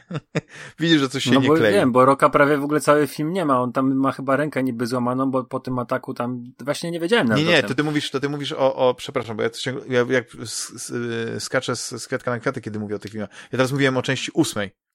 E, gdzie, a, ósmej, gdzie rok był. Tak. Ta była... I show się pojawił jako, jako Charlize Theron. Tak. I wtedy właśnie tym głównym bad guyem jest Charlize Theron. No ja się zdziwiłem, że oni tej Charlize Theron nie, nie, nie, nie w tej części dziewiątej nie, nie wzięli na dobrą stronę, ale kto wie, może w części dziesiątej coś tak, tak e, wydarzy, nie? Nie, no to jest, to jest film, który już e, jakby e, przeszedł pewną granicę, tak? I już, już, ta grani- już jak już przeszedł tą granicę, ten Rubikon absurdu, to już mu filmy bollywoodzkie nie straszne. Naprawdę. Bo oni jakby tak balansowali. Mhm. Zawsze gdzieś się ocierali i ja zawsze powiedziałem, że to jest taki amerykański Bollywood, ale przez to, że to są Amerykanie to robią, to oni tam nie przesadzają. Nie robią takich bzdur, eksplozji, które trwają 5 minut i oglądasz to i, on, i w zwolnionym tempie i po prostu to, tamto. Ale jakbyś się tak chciał przyczepić, to tam jest mnóstwo takich rzeczy, które, które są jakby standardem kina akcji bollywoodzkiego. Ale ja zawsze to lubiłem w kinie akcji, że był taka, taka przesada i lubiłem, że Amerykanie jednak mieli ten inny smak i, i nie przekraczali tej granicy. Od części gdzieś tam powiedzmy ósmej, a już dziewiątej już na 100% przekroczyli no to też jest kwestia tego, jaki jest montaż w amerykańskich filmach. Wiesz, w amerykańskich filmach mamy ten teledysk taki e, i oni uważają, że nie wiem, człowiek, widz nie jest w stanie się skupić tak. dłużej na scenie, która, która tam gdzieś trwa, więc to, to może to wynikać są, tak, z tego, są, nie? Są pewni, y, są pewni reżyserzy, których bardzo lubiłem za młodu, a dzisiaj już nie mogę oglądać i właśnie ze względu na, na montaż i pewnie od razu będziesz wiedział, o kogo mi chodzi. Anderson. Nie, Ma Michael Bay.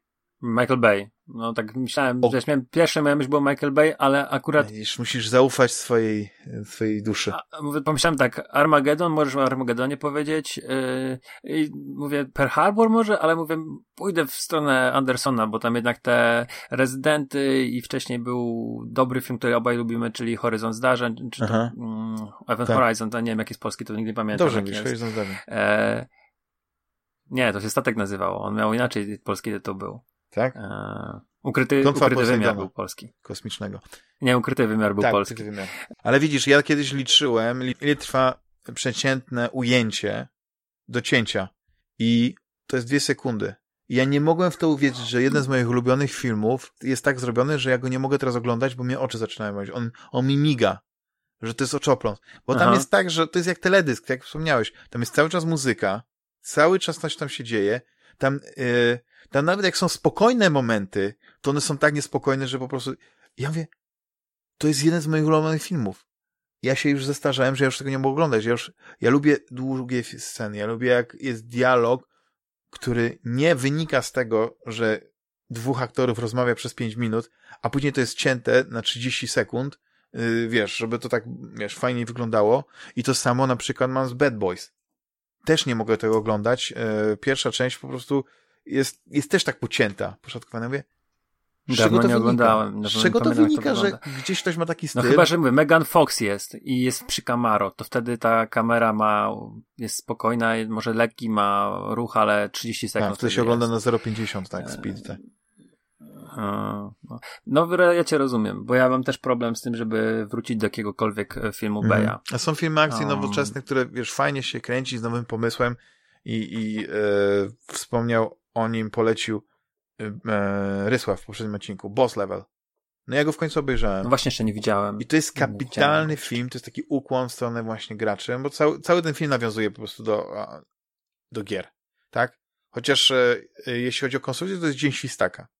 Wiesz, e, historia gościa, który po prostu budzi się i co chwilę ma wiesz, przeżywa to samo, tylko oczywiście tam, tam jest cały czas praktycznie akcja od początku, nie? I, i pierwsze tam, nie wiem, pół godziny filmu, gdzie jest ta, ta, ta ekspozycja tego, co się w ogóle dzieje i, i, i tak dalej, tak, tej, tej, tej powtarzalności, to też jest pokazane tego, jak, jak, e, jak to taki, e, właśnie to jest taki, w takim systemie gry, tak, że podejście pierwsze, drugie, trzecie, tam sto, któreś i tak dalej, i tak dalej.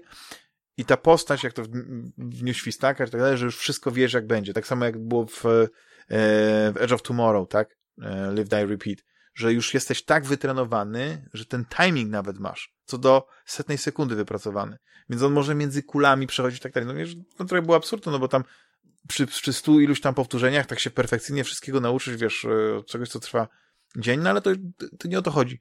Chodziło o to, o, o to, jak ten film jest zrobiony, jak on nawiązuje do gier. Tam jest świetny też element, e, że, że e, główny bohater trafia do takiego salonu gier.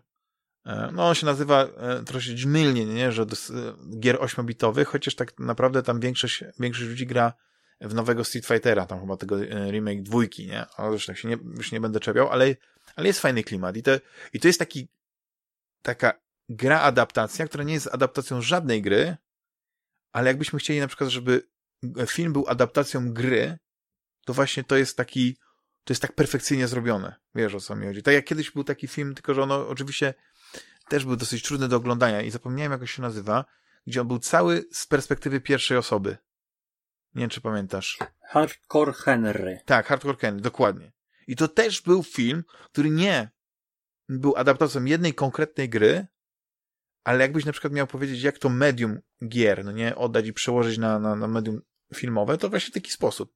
I, i wiesz, no to jest ten boss level gdzieś tam w, w, muszę przyznać jest, jest, jest kapitalny, tam nawet e, są takie są te motywy takie, że jak się czegoś uczysz, no nie, tak na przykład było jak, jak e, Bill Murray uczył się grać na, na fortepianie, nie? To było tak, że wiesz, na pierwszej lekcji to nawet nie umiał nacisnąć tego, a później mówi, no, no tak trochę coś umiem i tak dalej, żeby za każdym razem jakby przesunąć tą lekcję o krok dalej. I to samo jest tutaj też, nie? Tam zdradzę, że chodzi o walkę na, na, na, na miecz, no nie? I to, jest naprawdę fajny film akcji, który może nie mieć jakiegoś głębszego sensu, e, bo, bo oglądasz go tylko dlatego, co się dzieje, ale jest fajny i ma momenty, i ma też momenty takie spokojne. i nie jest przede wszystkim właśnie taki oczopląsowny, nie? Że, że mimo, że to jest y, fantastyczne kino akcji, gdzie, gdzie jest dużo strzelania, dużo walki i tak dalej, to, e, to nie wychodzisz z bólem głowy po seansie, więc to jest e, świetna, e, świetna sprawa. No nie, i dlatego ja się tutaj wiesz, podpisuję po tym, co, co Ryszard powiedział, że Boss Level warto, warto zobaczyć. Ale inny film akcji, o którym ty chciałeś pewnie powiedzieć, który widziałeś w kinie, to jest ta Czarna Wdowa, tak? I e, no ja jeszcze nie widziałem. Ja jeszcze nie widziałem. Nie wiem, czy chcę o niej jakoś mocno mówić. No to wiesz, wyżyj ale... się. Powiedz jak, jak ta Scarlett Johansson wypadła?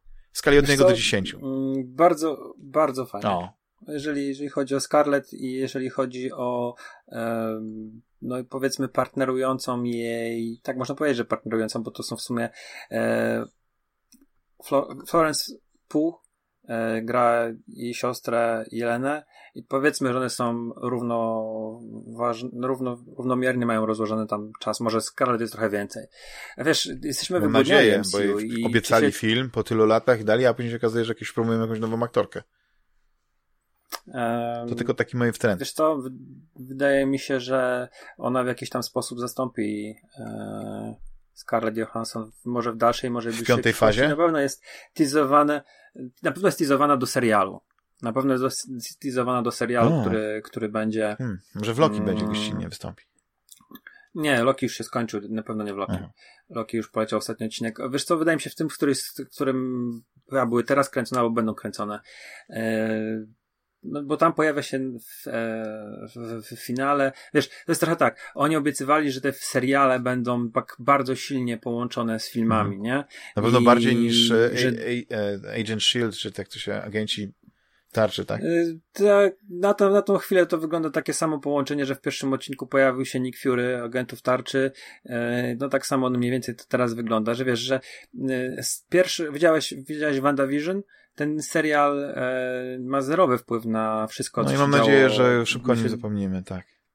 E, bo tak naprawdę e, to wszystko, co się wydarzyło między pierwszym a, pierwszą sceną a ostatnią sceną, e, z perspektywy tej ostatniej sceny nie ma żadnego znaczenia. To znaczy ona będzie miała tę przeszłość, natomiast to w żaden sposób nie odbije się na świecie MCU. E, jeżeli chodzi o Falcony Winter Soldier, e, widzieliśmy obaj ten serial. Mm, tak. Ja mam dużo zarzutów wobec niego, nie? Bo tak. liczyłem na pewne wątki, że zostaną poruszone. Właśnie nie wiem, czy to w, w, w konglomeracie chyba był wątek. Mi się wydaje, że tam o tym usłyszałem, że to był serial, który z którego dużo wycięto i tak naprawdę, nie wiem, e, on jest krótszy o, o, o, kilka odcinków, że cały wątek tej zarazy, tego, tego wszystkiego, co tam e, jakby było tym tłem tych, tych E, no, w cudzysłowie, ten, ten polityka, ta polityka i, ta, i terroryści, jakby bardzo ciężko e, było jakby się sympatyzować z nimi, mimo że oni gdzieś tam mieli budzić sympatię, tak, że oni nie mieli być traktowani jako terroryści, tylko jako freedom fighters. No bo skądś ta sympatia, to, coś to zrozumienie, wiesz, no bo skąd miał ten, e, wiesz, Falcon mieć ten szósty zmysł, żeby wiedzieć, że to są naprawdę dobrzy ludzie, mimo że zabijają, tak? Bez skrupułów. No coś musiał wiedzieć, to musiało się wynikać no z pewnej jakiejś takiej Po tym wszystkim, co się działo tak właśnie tak E, w Endgame'ie i w e, Infinity War, no to mm, to mhm. reperkusje mhm. są, spadły na ludzi, którzy teraz e, są siłą przesiedlani, no i e, się, się z tym nie zgadzają. Tak. I to było fajne, ale oczywiście to, to, to wszystko zostało tak naprawdę zaorane. Bardzo spłocone i, i tak by ten wątek, który moim zdaniem jest istotny, byłby ciekawy, byłby taki geopolityczny i, i właściwie bardzo interesujący, no bo jednak to jest ważny element, no bo co możesz zrobić w świecie, mhm. w którym nagle wracają ci wszyscy ludzie. Wiesz, ten cały taki temat, tak jak, no nie wiem, Polska się boryka z tym, że po wojnie był taki okres, że, że pewne rzeczy, no nie, gdzieś straciły właścicieli, a później ci właściciele wrócili. I co zrobić, żeby jednak zachować pewną sprawiedliwość? I, i to jest mhm.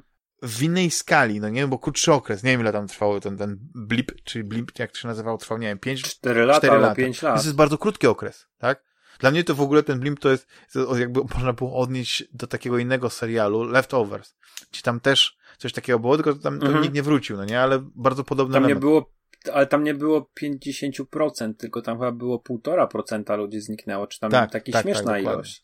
A 50% to jednak było bardzo dużo. Oni chyba doszli do wniosku, że gdyby tak zostawili tak, jak mi się wydawało, że gdzieś właśnie usłyszałem, że taki był pierwszy plan, na ten serial, no nie? Żeby ten wątek jakby tej zarazy, być może, nie wiem, oni musieli ze względu na pandemię, wiesz, to też wyciągnąć, wiesz, bo może tam coś było innego, może tam byli jacyś e, bioterroryści też w związku z tym, nie? No bo tam było coś takiego.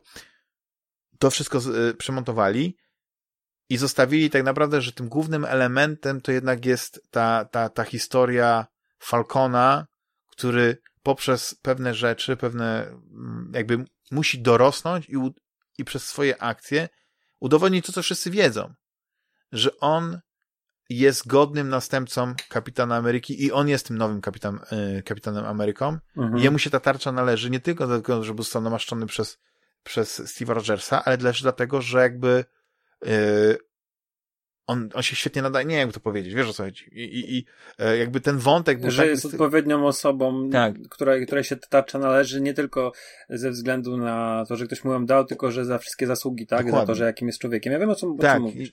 No. E... I mi się wydaje, że pewnie jakby no. ten, ten wątek był bardziej rozbudowany, bo to są bardzo krótkie seriale. To są seriale, nie wiem, sześć odcinków, czy... czy... Sześć odcinków, to, to, to, tak. to jest fajne, ale ja miałem takie wrażenie, ktoś mnie później poprawił, że to był film, który po prostu postanowiono zrobić z tego serial. A później się okazało, że nie, tak nie jest. Ale ja nie. takie wrażenie odniosłem, nie, że nie. ktoś po prostu wziął, może jakiś miał więcej scen nagranych i to tak to pocięli, że jak ja bym to zrobił, gdybym ja był montażystą, reżyserem, to ja bym te wszystkie odcinki połączył i bym zrobił z tego taki trzygodzinny właśnie film kinowy, jak to inne części są e, z tego uniwersum. I mi się wydaje, że to też by przeszło, nie? No, ale ale byłby mniejszy rozmach i wydaje mi się, że miałby słabszy odbiór. Ale zdecydowanie jest lepszy Falcon to... niż, niż e, WandaVision. Przez cały szacunek do, do, do fajnych yy, yy, nawiązań, do, do, do, do formy artystycznej, stylistycznej, do tego jak tam całe to miasteczko fajnie wyglądało i tych ludzi, to później cały ten taki myk, że to, a później to była taka i to musiałbym zradzić o co chodzi to mi się nie podobało, bo to właśnie to spłyciło całą, tak, spłyciło całą historię do, do, do takiego jednego elementu i, i te wszystkie inne ciekawe elementy tak naprawdę miały niemal zerowe znaczenie, więc, więc e, że się tak wyrażę, nie? W Falconie się pojawia taka postać, kobieta, która um, jest bardzo enigmatyczna. Tak, e, tak. Fontaine, Fontaine się nazywa i ona jest w scenie po napisach. E, ja nie wiem, czy to jest spoiler. Pewnie ludzie powiedzą, tak, to jest spoiler. Zaraz tam na starym forum poligami będzie, że spoileruje, ale to nie jest spoiler. Ona się po prostu pojawia w scenie po napisach. I, to jest jedyne połączenie z serialem. E, hmm. jakie, jakie, jakiekolwiek w tym filmie, tak? Wydaje mi się, że seriale na Disney Plus, one nie będą aż tak bardzo wchodziły w, tak.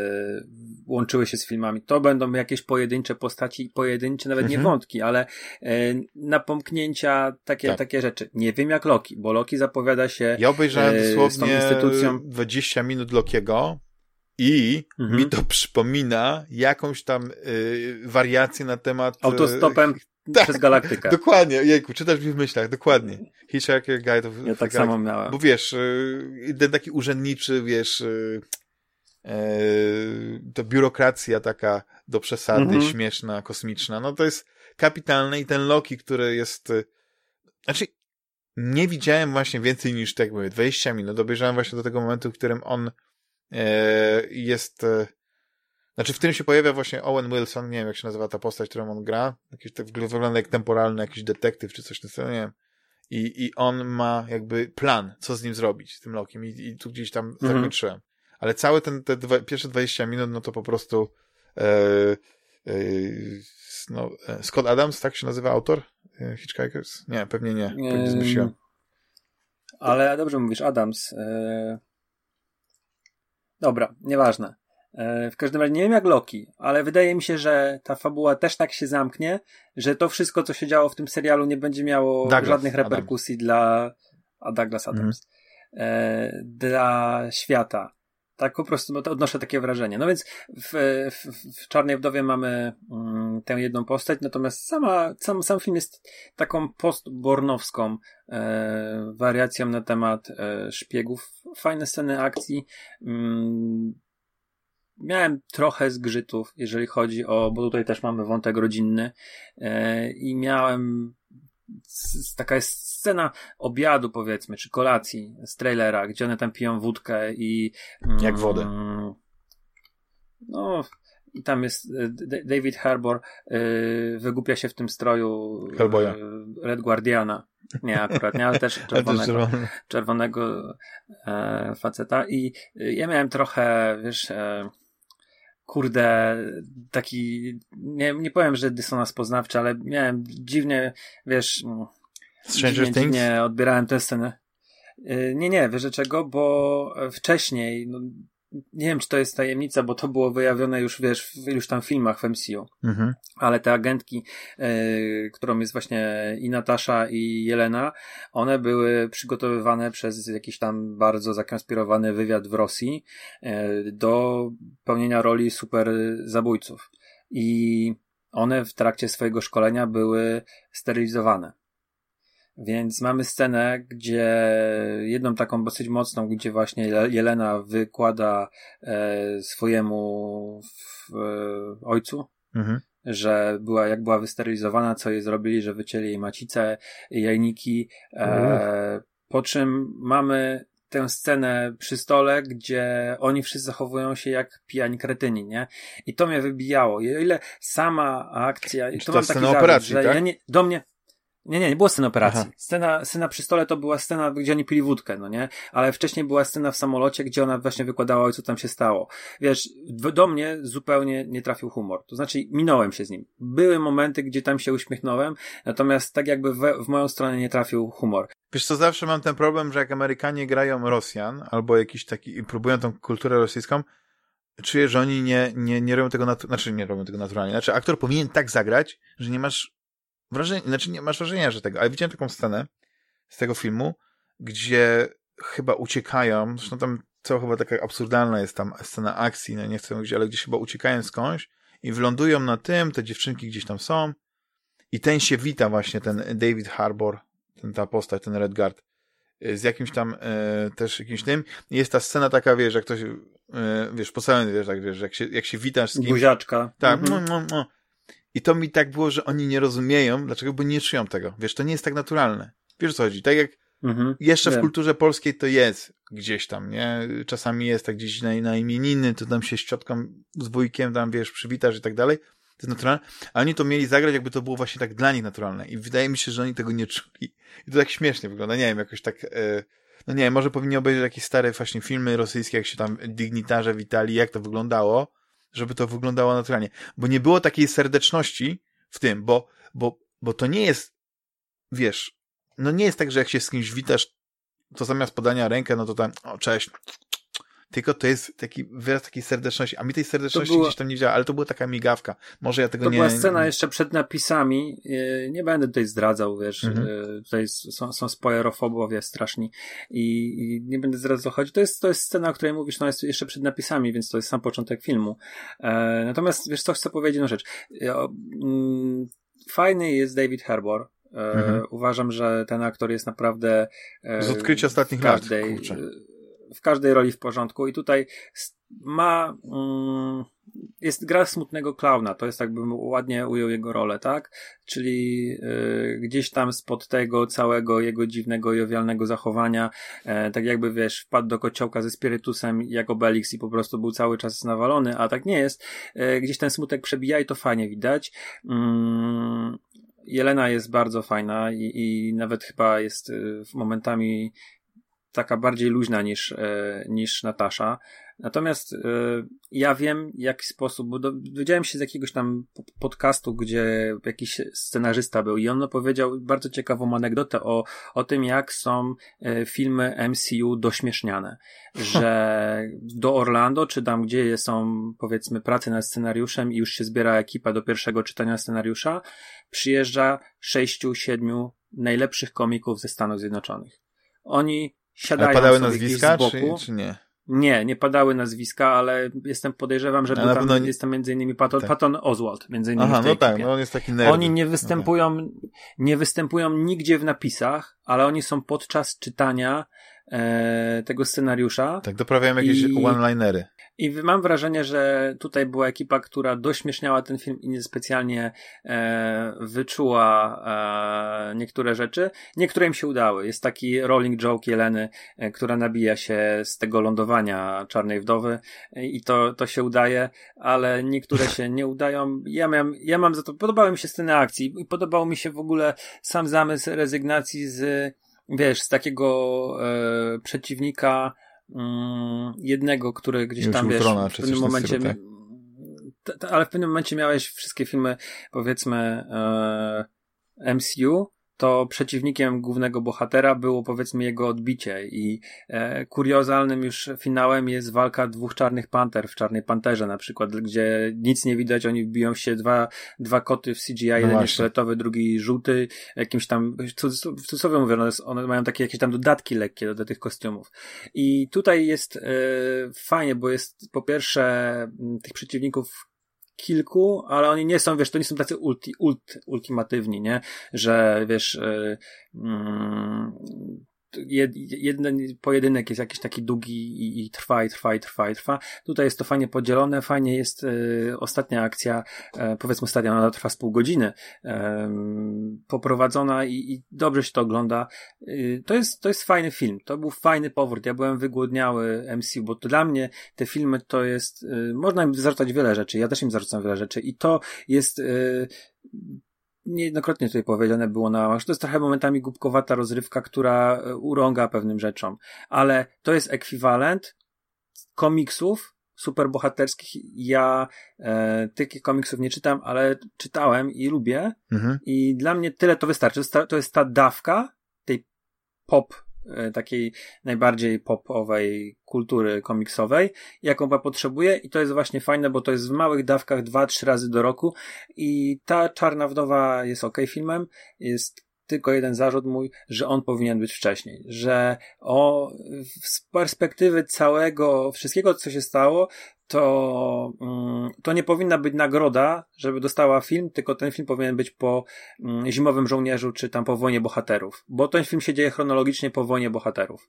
To jest zaraz po tym, jak e, w Wojnie Bohaterów jest ten podział i Civil War filmowy i ona się ukrywa. I tam wtedy się zaczyna, um, ukrywa się Kapitan Ameryka, złapali już Falcona, złapali już Antmana,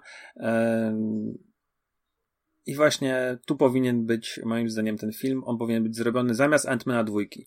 Ant-Man dwójka miał ważny tam moment, bo tam to... E, tam sami komicy całe... opisali. A, to na pewno.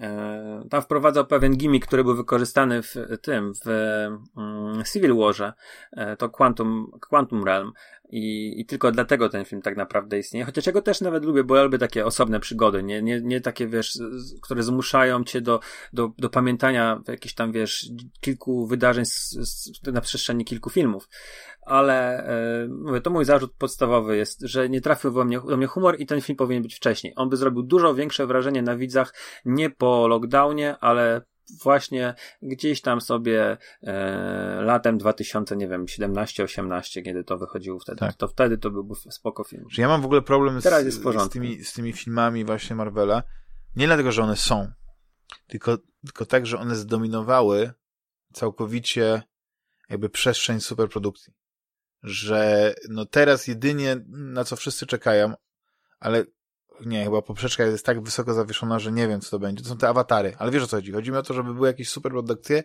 gdzie, gdzie goście w kalesonach nie są na pierwszym planie. A to ciekawe, I... bo wiesz, wydawało mi się, że takim filmem jest Duna. Eee, no, jeśli, ale ona jeszcze większy... nie wyszła, wiesz o co chodzi, no, jeszcze ją przenieśli nam o tydzień czy dwa, przesunęli i tak dalej. Ale to w Stanach chyba Zjednoczonych, a w Europie nie słyszałem, żeby była przesunięta. No nie wiem, ale, ale właśnie chodzi mi o to, że, że gdzieś te takie super produkcje, super produkcje za 200, za 300 milionów dolarów, to teraz są właśnie filmy takie, takie pewniaki, wiesz, właśnie Fast and Furious, yy, kolejna część MCU, nie wiem, coś ze Star Wars. Ale to się może skończyć. Oby to się mogą skończyło. być teraz już mniejsze filmy. Oby się skończyło. Dlatego, że jednak masa kin w Stanach Zjednoczonych, a nie oszukujmy się, e, te studia zarabiają głównie w Ameryce. Nie, bo... i tu jest właśnie, y, ten, Ale ten... nie, oczywiście, wiesz ile bierze w Chiny biorą, jaki procent biorą? Oni tam nie dostają tych, wiesz, pro, takiego procentu jak Tak? w Stanach Zjednoczonych. To, że oczywiście to no, jest że ten box podział office jest, jest, tam, nie wiem, jest 300 trochę- milionów dolarów w Chinach, to pewnie oni dostają 30 milionów, tak? O to ci chodzi. Nie, ale myślę, że nie, nie dostają, wiesz, jak masz box office w 300 w Stanach Zjednoczonych, to oni dostają powiedzmy 70% Aha. z tego. A z Chi- z Chin mogą dostawać 40-50%. Tam No, no, no. dystrybutorzy pochłaniają bardzo duże e, pieniądze, kina też biorą spory No, procent. ale też relatywnie E, wydaje mi się, że wcale- ceny biletów są dużo mniejsze niż na zachodzie, więc jakby ten, ten tort na początku, znaczy nie tort, tylko wiesz, jakby cena jednostkowa jest tak mała, że ten wolumen, czy jak to się mówi, no musi być tak duży, żeby się do, dobić do tych 300 milionów, więc jakby te, te koszty operacyjne są na, na, na pewno większe, nie? To, na to się nie zwraca uwagi, uwagi, nie? Tak samo jak masz Indię. Indię to jest y, półtora miliardowy kraj, może nawet więcej i tam y, miliony ludzi chodzi do kin i tam naprawdę filmy zarabiają krocie, ale te krocie to, to są takie, y, takie dla nich krocie, nie? Na na rynek amerykański jakiś tam otwarcie, który by miał, nie wiem, 10 milionów dolarów, to by było ok, ale nic y, Ile kosztuje teraz bilet u ciebie? 10 euro? No, tak mniej więcej można powiedzieć, zaokrąglić, nie? To zależy. Tak 11, wiesz. Czy też jeśli chodzisz na przykład poza godzinami, też masz różne opcje, więc e, jakby możesz i taniej, i drożej, nie? Ale 10 euro powiedzmy to jest taka średnia e, cena. No to nie wyobrażam sobie, żeby 10 euro kosztował bilet e, w Indiach. Podejrzewam, że 10 rupii by, zara, by, by tam zarabiał. no kosztował, właśnie, tak? musisz E. iść w, w masę i to ogromną, nie? No. Ale Mhm. gwiazdy kina Ale bollywoodzkiego mają na Instagramie E. po kilkadziesiąt milionów, e, wiesz, no tam 30-40 milionów followersów na przykład, nie? Wiesz, Mhm. skala. Bo byłem jeszcze na dwóch innych filmach w kinie, bo byłem wygłodniały i Mhm. tak naprawdę prawie no, o dziew- 10 miesięcy chyba nie byłem w kinie. Albo lepiej, bo byłem w lipcu ostatni raz zeszłego roku i teraz em, w czerwcu. I byłem naprawdę wygłodniały. No to, to, to kurde, to jest 11 miesięcy. E, I poszedłem na jeszcze Spirale, to jest nowy rozdział Piły. Nie chcę o tym mówić. Fatalny film. Byłem na Cichym Miejscu 2 i to był no okej, ale... Lepszy niż jedynka?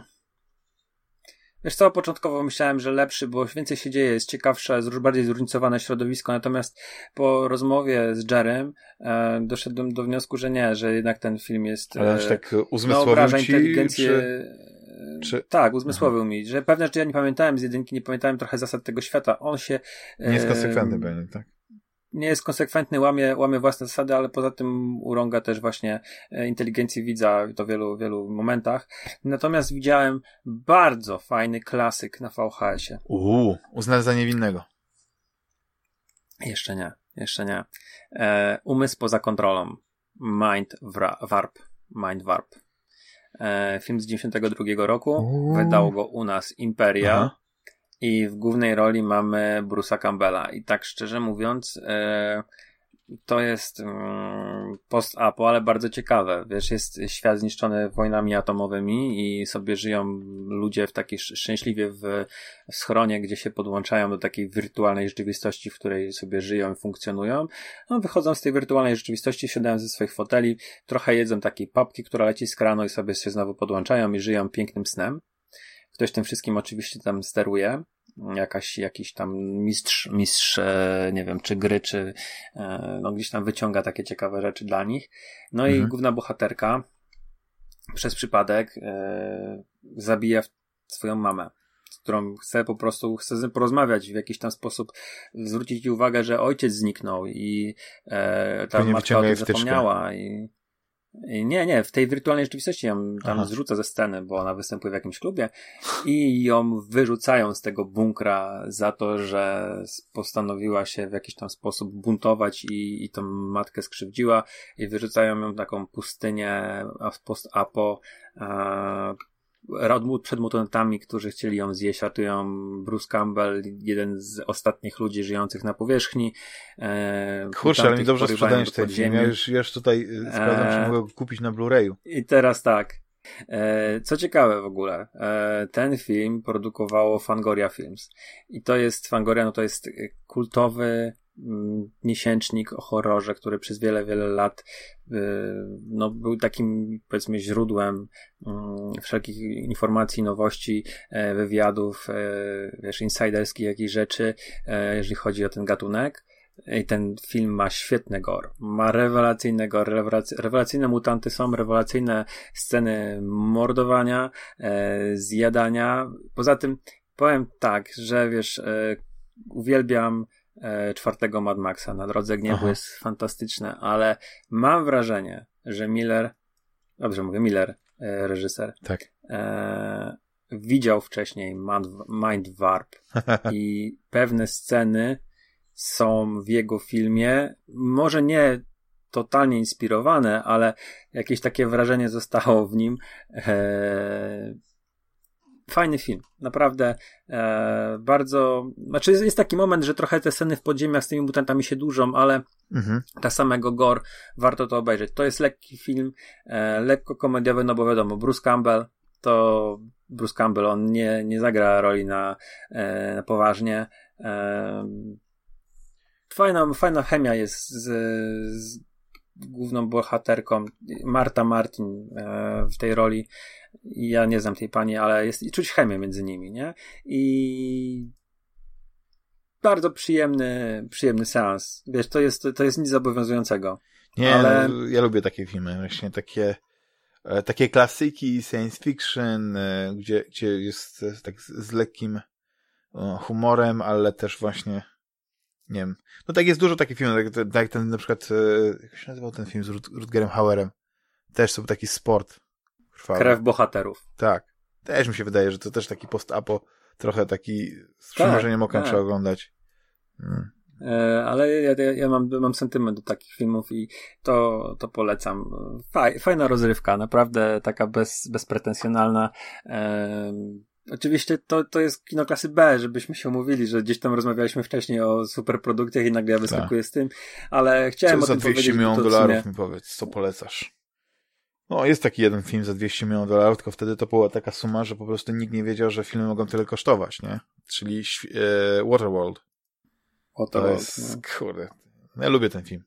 Za, e, ten, nie chcę mówić wszystko, ale ja jestem, będę zawsze bronił Costnera i tej jego roli. Jako, jako ten. Powiem ci jedną rzecz, że um, wiem, że to się nie zdarzy, ale przy tym odcinku, gdzie tam podsumowaliśmy sobie trzy, ja powiem, zaśmiałem się, że, e, że to Pyracik z Karaibów to marka nikogo i, Waterworld y, powinien być. I tak s, mówiąc szczerze, gdyby w tym Sea of Thieves, tak. y, sea of Thieves był Waterworld, ja bym w tę grę grał. Y, znaczy ja bym nie grał nadal, bo miał... to jednak nadal nie grałem ja dla grał. mnie, ja ale bym, grał. na pewno wpadł, żeby zobaczyć jak to wygląda, jak to jest, no. ale... Zresztą, wiesz, Waterworld to jest Mad Max tylko na wodzie, no nie? To, to odwrócenie mhm. i, i jest kapitalny ten film. Ale jest, ale wiesz, jest, jest, to, jest tam można, bo tak jak Sea of Thieves jest, y, jest, jest grą, która dzieje się na morzu, mhm. na statkach, na wysepkach, to Waterworld daje, dawałby możliwość rozbudowania tego o nurkowanie, mhm. o tą, ten świat podwodny. No bo tak. jednak y, Kevin Costner sobie tam nurkował i to też byłoby super. Wiesz, jakieś szukanie skarbów no, pod wodą. Jedna ja nie wiem, jak tych, naprawdę ta gra jego wygląda. cech, no nie? Też on tam miał skrzela chyba, ile dobrze pamiętam. Tak, tak, miał, miał, miał. miał. No, teraz takich filmów dobra. nie robią, prawda? Też jest... Zresztą ja oglądałem jeden film z Kevinem Costnerem, ale wiesz, co mi przeszkadzało najbardziej w tym filmie? Bo ja pamiętam ten film doskonale i on gdzieś mi się wrył e, jako, jako taki bardzo film historyczny. To byli... E, Untouchables, Nietykalni, Briana De Palmy. Wiesz, mhm. historia Eliota Nessa, jak oni tam przeskrzynili. No pewnie, bardzo, bardzo fajny chyba Wiesz, Oscarowy film. Tak, ale, ale ja go oglądałem y, wczoraj, tak, bo kupiłem sobie taki zestaw y, na laserdyskach przyszłości. Ale nie mów, że nie, nie podobał ci się ten film. Wiesz to jest, to jest klasyk. On nie może się nie podobać. Ale jak pat, ale patrzyłem na, pod kątem historycznym i tam nie było, wiesz, tam, znaczy nie no, nie, nie mogę powiedzieć, że nie było grama prawdy, no bo był Al Capone, był Elliot Ness, ale tak, ta drużyna nietykalnych wcale nie tak wyglądała, więc to były postacie czysto fikcyjne. No Sean Connery grał takiego fajnego e, krawężnika, nie Beat Copa, jak to się ładnie Malone mówi. chyba, tak, nie? Się nazywał, Jimmy ten. Malone, tak chyba ten, Irlandczyka. I, I to był gość z takimi zasadami, który miał dosyć proste zasady, no nie? Nie wychylaj się, to przeżyjesz, a jak przeżyjesz, to będziesz miał spokojne życie, no nie? No ale później Elon Musk go jakby przekonuje, żeby do tej jednostki wbił. I cały ten motyw, no nie, że ta, o, okej, okay, tutaj niby walczymy z, z tym wielkim e, gangsterem i tak dalej, i tak dalej, ale już od początku ten wątek tego przeskrzynienia go na, za, za, te sprawy księgowe, tak, niepłacenie podatków już tam się tlił od samego początku, kiedy się pojawia ten taki, yy, jeden z tych takich właśnie członków, taki niewyraźny, mały, yy, niewysoki gość. I wiesz, oglądam ten film i mówię, kurczę, że ten, ten, ten film ma tak niewiele wspólnego z tym, jak naprawdę wyglądała ta sytuacja, że ja rozumiem, że to jest prawda czasu, prawda ekranu, nie? Ale teraz go oglądałem, mając tą, tą wiedzę, świadomość, tą dojrzałość, y, tę intuicję, to po prostu oglądałem to jak bajkę Disneya. Wiesz o co chodzi? Ta scena właśnie, którą y, kapitalnie parodiuje Naga Broń, nie? Z tym wózkiem takim z, po tych schodach. No to gdzieś... chyba z, pan, z pancernika Patiankina chyba jeszcze w ogóle zaczerpnięte, Tak, nie, nie ta, wiem, ale to... Ale, z jakiegoś radzieckiego kina. Wiesz, jak oglądasz jak oglądałeś tą scenę po raz pierwszy, okej, okay, no nie wiem, co sobie mogło wziąć, wiesz, jakiś ten dramatyzm, nie, że to dziecko tam gdzieś leci, tam ale jak, ale jak ja pamiętałem lepiej tą scenę e, z, z, w nagiej broni i później wracałem do właśnie no. nietykalnych teraz, to mi się wydawało, że ta scena w tym filmie Briana De Palmy jest parodią tego, co było w nagiej broni. Bo to jest tak absurdalne, to jest tak, to jest tak idiotyczna scena, wiesz, no ten wózek gdzieś jedzie, się nie przewrócił, on nie wiem ile tam jest, 10 metrów tymi schodami jedzie, jedzie i na końcu łapią ten wózek, gdzieś tam, le... wiesz, takie sceny jakbyś to po prostu gdzieś, jak modelki yy, do jakiegoś shootoutu, no nie, by się przygotowały, gdzieś trzymają te broń. Ten film na pewno jest świetny, to jest gdzieś kunszt Briana De Palmy, który zrobił bardzo ciekawą historię, ale dla mnie to jest, to jest, y, to jest film Disneya. Pod tym względem, jak, te, jak on wygląda, no nie, jakie tam są sceny, wiesz, tam te historie, no. I yy, nie wiem, nie wiem, gdzieś tam e, pewne rzeczy mi przeszkadzały. W ogóle był tak niewyeksploatowany motyw zupełnie. E, Ala Capone też. Nie, on był przedstawiony jako, jako e, bandyta, który, który nie ma grama uczuć, ale zresztą De Palma w jakimś wywiadzie wyrażał się, że on nie chciał romantyzować ty, ty wiesz, gangsterów, tak jak na przykład, nie wiem, y, w, w Ojcu jednak ta mafia, ta rodzina, wiesz, to wszystko było takie inne, że oni się, że ci gangsterzy między sobą się tylko tak naprawdę, yy, yy, nie wiem, mordowali, że się tak wyrażę, tak, y, wybijali, a, a gdzieś tam ci postronni, zwykli ludzie to patrzyli na nich jak, jak, jak na, na, jak, nie wiem, społeczeństwo Paulo Escobara, patrzyło na niego, kiedy on roztaczał taką opieką nad, na, na tą swoją nad tym swoimi ludźmi, no nie wiesz, tym, tym, tym sponsorował to, że wiesz, co mi chodzi. Chodzi o to, że nie ma tego takiego e, tworzenia romantycznej wizji. I e, to jest dziwne, bo wzięli takiego aktora, no, który się kojarzy z tym ojcem chrzestnym, który się kojarzy z, z, no, z jakimś takim kinem gangsterskim, bo De Niro gra tam e, właśnie Capone, nie wiem, czy to wspomniałem o tym, jak, jak, to, jak mówię już długo. I jakoś tak to mi, on mi tak średnio pasował. Wiem, że to jest świetny aktor i on może zagrać każdego. Wszystko, ale ale był chyba, o ile się nie mylę, serial Nietykalni. I ja ten serial, tam chyba grał oj, zapomniałem jak się ten e, aktor nazywa, Forsyth uuu Widzisz, mam, mam dziurę w, e, w, głowie. Chyba masz rację, wiem o którego aktora ci chodzi. On też u, e, tak. u tego, u, u, u, Tak, William Forsyth grał, tak. To był serial, który, który, y, w którym, e, który tak naprawdę był takim rozwinięciem e, tego filmu, nie? Tylko, że on po prostu mógł więcej poświęcić na, na, na ten, bo tam, bo tam e, grali e, też e, jakby po, podobne postacie były, te, czyli też nie autentyczne, historyczne postacie, tylko te wykreowane, nie? Bo też się pojawia Malone, którego gra John Rice Davis, e, jest, no jest parę takich aktorów, no nie wiem, ja ten serial pamiętam i ten serial mi się wtedy jakoś dużo bardziej podoba. Jakby on, on wytworzył mi bardziej tą legendę tych nietykalnych w większym stopniu niż, niż, e, niż, e, niż film Briana De Palma, chociaż film Briana De Palmy też doskonale pamiętam, nie? No. no. ale to była taka jedna rzecz, wiesz. Zacząłem też oglądać, żeby też nie, nie, nie, nie, nie, nie, nie tylko o tym mówić, e, Royst 97. Na razie jestem po, po jednym odcinku i ten klimat lat 90. jest fenomenalnie oddany ale może dlatego, że ja jestem dzieckiem też lat 90. mimo wszystko. I jak jest tam muzyka Leroya i tam jakieś takie rzeczy, no to uf, bajka. A ja pamiętam, bo to też się wszystko kręci wokół e, tej powodzi stulecia. I ja pamiętam, tylko że jaka wtedy, kiedy była ta powództwyliecia, byłem na wakacjach. I, i, I byłem ze znajomymi, ci znajomi strasznie się, już nie chcę powiedzieć, dlaczego się tak bardzo zdołowali, nie? Bo tam był taki jakby, jakby czynnik dodatkowy, który wpływał na nastrój. Oglądali w telewizji właśnie te wydarzenia i się, i, i się strasznie dołowali, nie? No bo to jednak strasznie wyglądało, nie?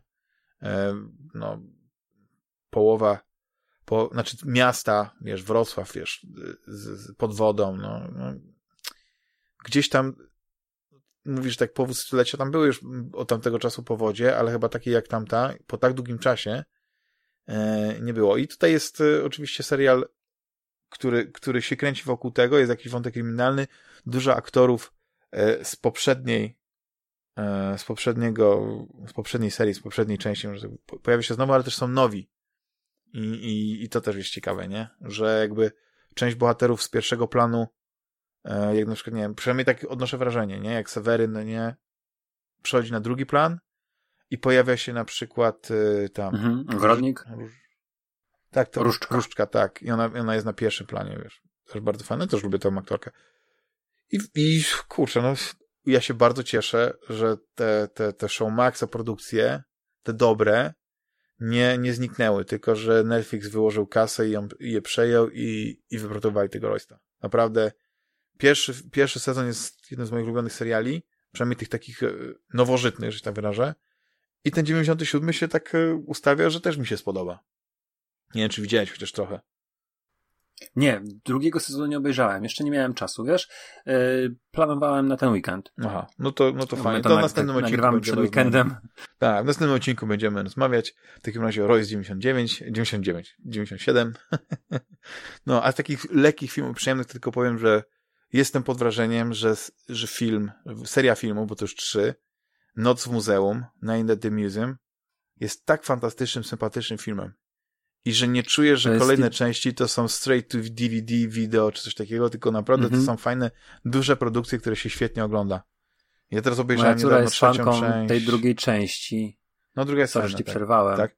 E, ale wiesz co, zafascynowali ją e, mali ludzie, nie? Czyli tam... Tak, te żołnierzyki, tak, cowboy, rycerze i kowboje. Tak, i, znaczy, pół, Rzymianie. Rzymianie, Rzymianie. Że zafascynowało ją to totalnie i to tak, e, o ile ona niespecjalnie te filmy aktorskie w ogóle zwraca na to uwagę i mm, gdzieś tam sobie mija to wszystko, nie, nie, nie przygląda się temu, bo myślę, że jest nauczona, że kreskówki czy animacje są dla niej, a, a, a reszta tam, wiesz, jakieś fakty, czy y, jakiś tam program dokumentalny, który leci, to, czy serial. Y, jeszcze komisarz Alex ewentualnie, bo tam jest piesek. Y, to, to, to wiesz, to w ten sposób mhm. może, może psa zwrócił uwagę. Ale tutaj zwróciła i, i wysiedziała prawie pół filmu, e, tylko dlatego, żeby, wiesz, gdzieś tam małpka i właśnie ci, ci tak. mali ludzie i tak się zastanawiałem, czy na przykład pożyczalscy to już jest ten moment, że można jej puścić. Ale przerwałem ci mów o trzeciej części. Nie, nie, nie, nie mam nic takiego ciekawego do powiedzenia. Po prostu te, e, jest, jest świetny klimat, bo e, za każdym razem jest to inne muzeum też trochę i jest jakby taki inny, inny element. I w trzeciej części chyba, o ile dobrze pamiętam, to chyba właśnie akcja gdzieś jest w Londynie, tam się pojawia ta e, Rebel Wilson. Kapitalna aktorka komediowa. Moim zdaniem jedna z takich najlepszych. Jak ona gra, mm, i tam jest jeszcze Ricky Gervais, y, ale on, on ma bardzo małą rolę, nie? Tego dyrektora tego, tego muzeum, więc no szkoda, że go akad nie ma więcej, no ale ten, ale też jest kapitalna rola, podwójna, bo Ben Stiller gra nie tylko tego, um, e, jak się nazywa, Jack, Jack Daly? Nie, nie Jack, no on tam. No głównego bohatera tak. gra, no. I to on też gra y, jakiegoś jaskiniowca, który no, ja na to po prostu tak mi wcześniej nie zwróciłem na to uwagi, ale później zauważyłem, że to przecież to jest, ta, przecież Ben Stiller to gra. I tam jest cały taki wątek, że ten jaskiniowiec jest tak zafascynowany, że to, że on rozpoznaje w nim, że to jest ta, że to jest jakby yy, jego przodek, czy nie przodek, on chce wszystko robić tak jak on i tak dalej. Tylko, że... Ale jaskiniowiec też był w drugiej części. Tak? E, nie wiem czy w pierwszej, ale w drugiej części na pewno byli jaskiniowcy i oni byli na usługach tego złego ale nie wiem, tam, czy tam akurat jaskiniowcy. No, kurde, aż muszę... No nie wiem, czy to był, to, nie wiem, czy to, nie wiem, czy to właśnie Ben Stiller go grał, nie wiem, ale, ale może to jest zupełnie inny jaskiniowiec, którego gra Ben Stiller w tej trzeciej części. No bo Ben, ale on, on był tak charakteryzowany, że przez, przez sekundę, jak na jego spojrzenie, czy to wszystkie nie jest Tom Cruise? Bo jest dużo w ogóle takich e, osób, które zagrało w tym, w tym, w tym, e, jako takie małe cameo, nie? I to jest, y, no, wiesz, fajne. Robin Williams, y, nie wiem czy w której części, ale Robin Williams przecież tam na pewno miał Tak. No on grał takiego, rolę. tak, on się, on jest taka, no ile właśnie, teraz jak powstaje chyba podobno czwarta część, gdzieś widziałem jakieś, jakieś zapowiedzi, no to już go nie będzie, nie? Ale, ale on był takim... Teodora Roosevelta grał? Tak, tak, tak. tak. Dobrze pamiętam? No. Mhm. No i on zawsze na tam tym koniu gdzieś tam jeździł i tak dalej, no. Jest kapitan. Larry Daly się nazywał E, ta postać nazywa się, którą grał, e, grał Ben Stiller, ale Dziś próbuję znaleźć, czy gdzieś tam jest ta postać jaskiniowca yy, przedstawiona, no ale może, może nie, no ale to już nie, nieważne, nie, to już, to już to nie ma znaczenia. No, to jest taki fajny, fajny ten film, którym każdemu polecam, szczególnie właśnie z dziećmi. On, tam nie ma na tyle przemocy, żeby, żeby się gdzieś a, nie, nie. Zresztą w ogóle Ben Stiller to dla mnie urasta na jakąś taką gwiazdę, to zawsze znałem z, po, z poprzednich jakby ze, filmów, ale te filmy, które wcześniej oglądałem jakoś tak, e, no okej, okay. to teraz jak oglądam, to odkrywam jakieś drugie dno w tym. I na przykład, no, Zulander, który wcześniej tak, a, tak średnio mi się podobał, to jak teraz oglądasz Zulandera i masz jakąś taką, jakby to powiedzieć, jeszcze dodatkowo jesteś w stanie wyłapać pewne smaczki, no to to jest rewelacyjny film, nie? No. Zresztą ja już nie mówię o jego Opus Magnums, nie? Czyli, czyli um, ja, ja w tropikach. Tak, Tropic, Tropic Thunder, Thunder, To, jest, to jest film, który po prostu już nigdy tak nie powstanie no. i, i, i dlatego moim zdaniem on kiedyś powinien dostać Oscara, jakoś takiego honorowego, jak, jak się nie dorobi, wiesz. Oscara za, za jakąś rolę, nie? Bo raczej...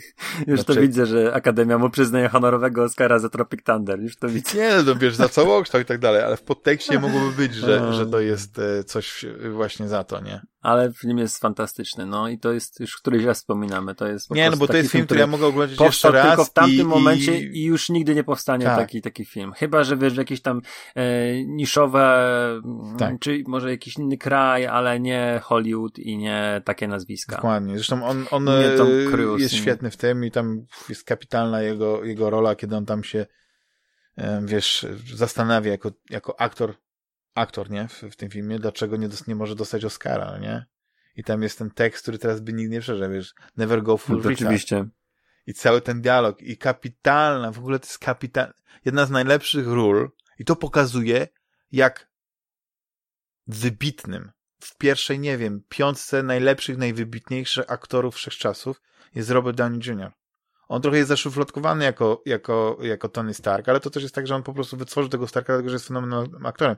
Ja bardzo lubię e, Robiego Downego Juniora, ale są pewne role, które, które no, pokazują, że to jest po prostu aktor yy, z naj, najwyższej półki, a nie wiem, czy on dostał Oscara za, za cokolwiek, kiedykolwiek. I to jest ten problem, no nie? Bo, bo on trochę się tak wygodnie y, odnalazł w, w Iron Manie i stworzył tego Ironmana. Moim zdaniem, jakikolwiek Iron Man był w komiksach, już nawet nie chodzi o wizualny, wiesz, twarz i tak dalej, tylko o postać, to on stworzył tę postać na nowo. I, i nie wiem, co, jak go zastąpią, powiedzmy, jaki będzie Iron Man nowy, bo pewnie będzie w kolejnych uniwersach, ale nie wyobrażam sobie tego. A tak z ciekawości, yy, oglądasz ten serial, który produkuje dla Netflixa, Łasuch, na podstawie komiksu Lemiera? Nie, ale jak mi polecisz, powiesz, że jest dobry, to, to, to się zainteresuje. To jest jednak taka produkcja chyba trochę do młodszego widza skierowana, ale to też jest postapo, jest bardzo ciekawe postapo, bo gdzieś tam jest, yy, wpisuje się tam w naszą tą pandemiczną rzeczywistość, w której się znaleźliśmy, czyli pojawia się jakiś wirus mhm. na Ziemi, który, który jest bardzo śmiertelny, yy, bardzo groźny ale przy okazji tego wirusa pojawiają się hybrydy, czyli mm, dzieci rodzą się, które mają a to pióra, a to pazury, a to rogi. I hmm. tytułowy łasuch jest chłopcem z rogami jelenia. nie chcę zdradzać jakoś wiele fabuły. Zaczyna się od tego, że chłopiec musi opuścić park Yellowstone, w którym ukrył się z ojcem właściwie musi, chce opuścić, tak? tak? Jest, jest takim dzieckiem, które jest ciekawe, co jest za siatką parku Yellowstone. E, I mm, gdzieś tam z, e, z, opowieści ojca i z rzeczy ojca mm, domyśla się, gdzie może swoją mamę spotkać i po prostu rusza z kimś tam w drogę. To jest, to jest serial drogi. Widzisz, jak zacząłeś tak mówić, to myślałem, tą, że tam dziwną... ktoś jest, że y, Robert Downey Jr. w nim gra, a to jest w ogóle chyba nie, nie, nie. nawet nie amerykański. On tylko chyba, produkuje. To jest amerykański serial. Amerykański serial to jest... E... Ale jakaś taka obsada i... Nonso Anonzi, Christian Convery, Adeli Akthar. Nawet wiesz, przekręcam no... imiona i tak dalej, ale tak patrzę, to bardzo nie, nie pierwszoplanowe, nieznane nazwiska pod tym względem. No, ale już dodałem sobie do mojej listy, na pewno na pewno e... jest wysoko. A. Ten Nonso e, jest, ja go kojarzę, wiesz, z, z jako drugą, drugi tam trzeci plan. On e, gdzieś tam w ekranizacji gry Endera go widziałem. E, to nie jest na pewno jakiś wielki aktor, ale tu ma całkiem fajną rolę i i naprawdę, wiesz co, warto, znaczy to jest tak, to jest trochę dla młodszego, 8 odcinków, się szybko to ogląda, to mhm. jest tylko, mówię, skierowane do ciut młodszego odbiorcy, dlatego, że głównym bohaterem jest dzieciak i mimo, że on podróżuje z dorosłym, wielkim facetem, to spotyka na swojej drodze też e, nastolatki. Więc to jest bardziej serial, który puszczasz sobie, e, nie wiem, w, w niedzielne przedpołudnie, jeden odcinek, czy tam dwa, a nie jako e, serial, który oglądasz, wiesz, binge'ujesz w nocy na przykład, mm -hmm. nie? Bo, bo to jest taki, taki mocny, wiesz, tak. serial post-apo. Natomiast są też e, takie mocniej, czy mocniej, może nie, nie, nie jakoś super mocne, ale są takie dosyć e, fajne sceny, które gdzieś tam mogą sobie e, zmrozić nam krew w żyłach, e, bo jednak ten wirus gdzieś tam zagraża i jest ten drugi wątek wspomnianego przez ciebie m, mm, aktora, e, jest chyba hinduskiego pochodzenia, on gra lekarza, który opiekuje się jakąś tam społecznością i e, to jak tam społeczność zaczyna reagować to na, na ewentualnie kogoś chorego jest bardzo ciekawa. Ale mówię, no wydaje mi się, że yy, ja to tak powiesz, mhm. ciekawostkę zapytałem się, czy tego może widziałeś, bo... Nie, nie, wiesz co, ja, ja, czasami jak minęło... bo jest dużo takich filmów, seriali yy, quasi fantazy, yy, czyli takich, wiesz, magicznych, które, które widzę i, i, wiem, że one są od pewnego schematu robione. Ja się od nich odbijam i nawet, nawet czasami nie, nie oglądam, bo, bo, bo jakby szkoda mi czasu na, na, na oglądanie czegoś, co już pewnie e, kiedyś widziałem w jakiejś formie i się odbiłem tego, nie? Więc, więc e, że się tak wyrażę, młodzi ludzie e, w, w post-apo to musi być naprawdę coś fabularnie ekstra. Wiesz o co chodzi? Bo gdzieś mm -hmm, zawsze mi się mm -hmm. wydaje, że tylko ktoś, kto jest, nie wiem, jakiś 50-40 latek, doświadczony, taki, taki Bear Grizzly, jest w stanie przetrwać w takim świecie, a nie ludzie, którzy większość czasu spędzali właśnie na jakichś Twitterach, Tinderach i tak dalej, nie?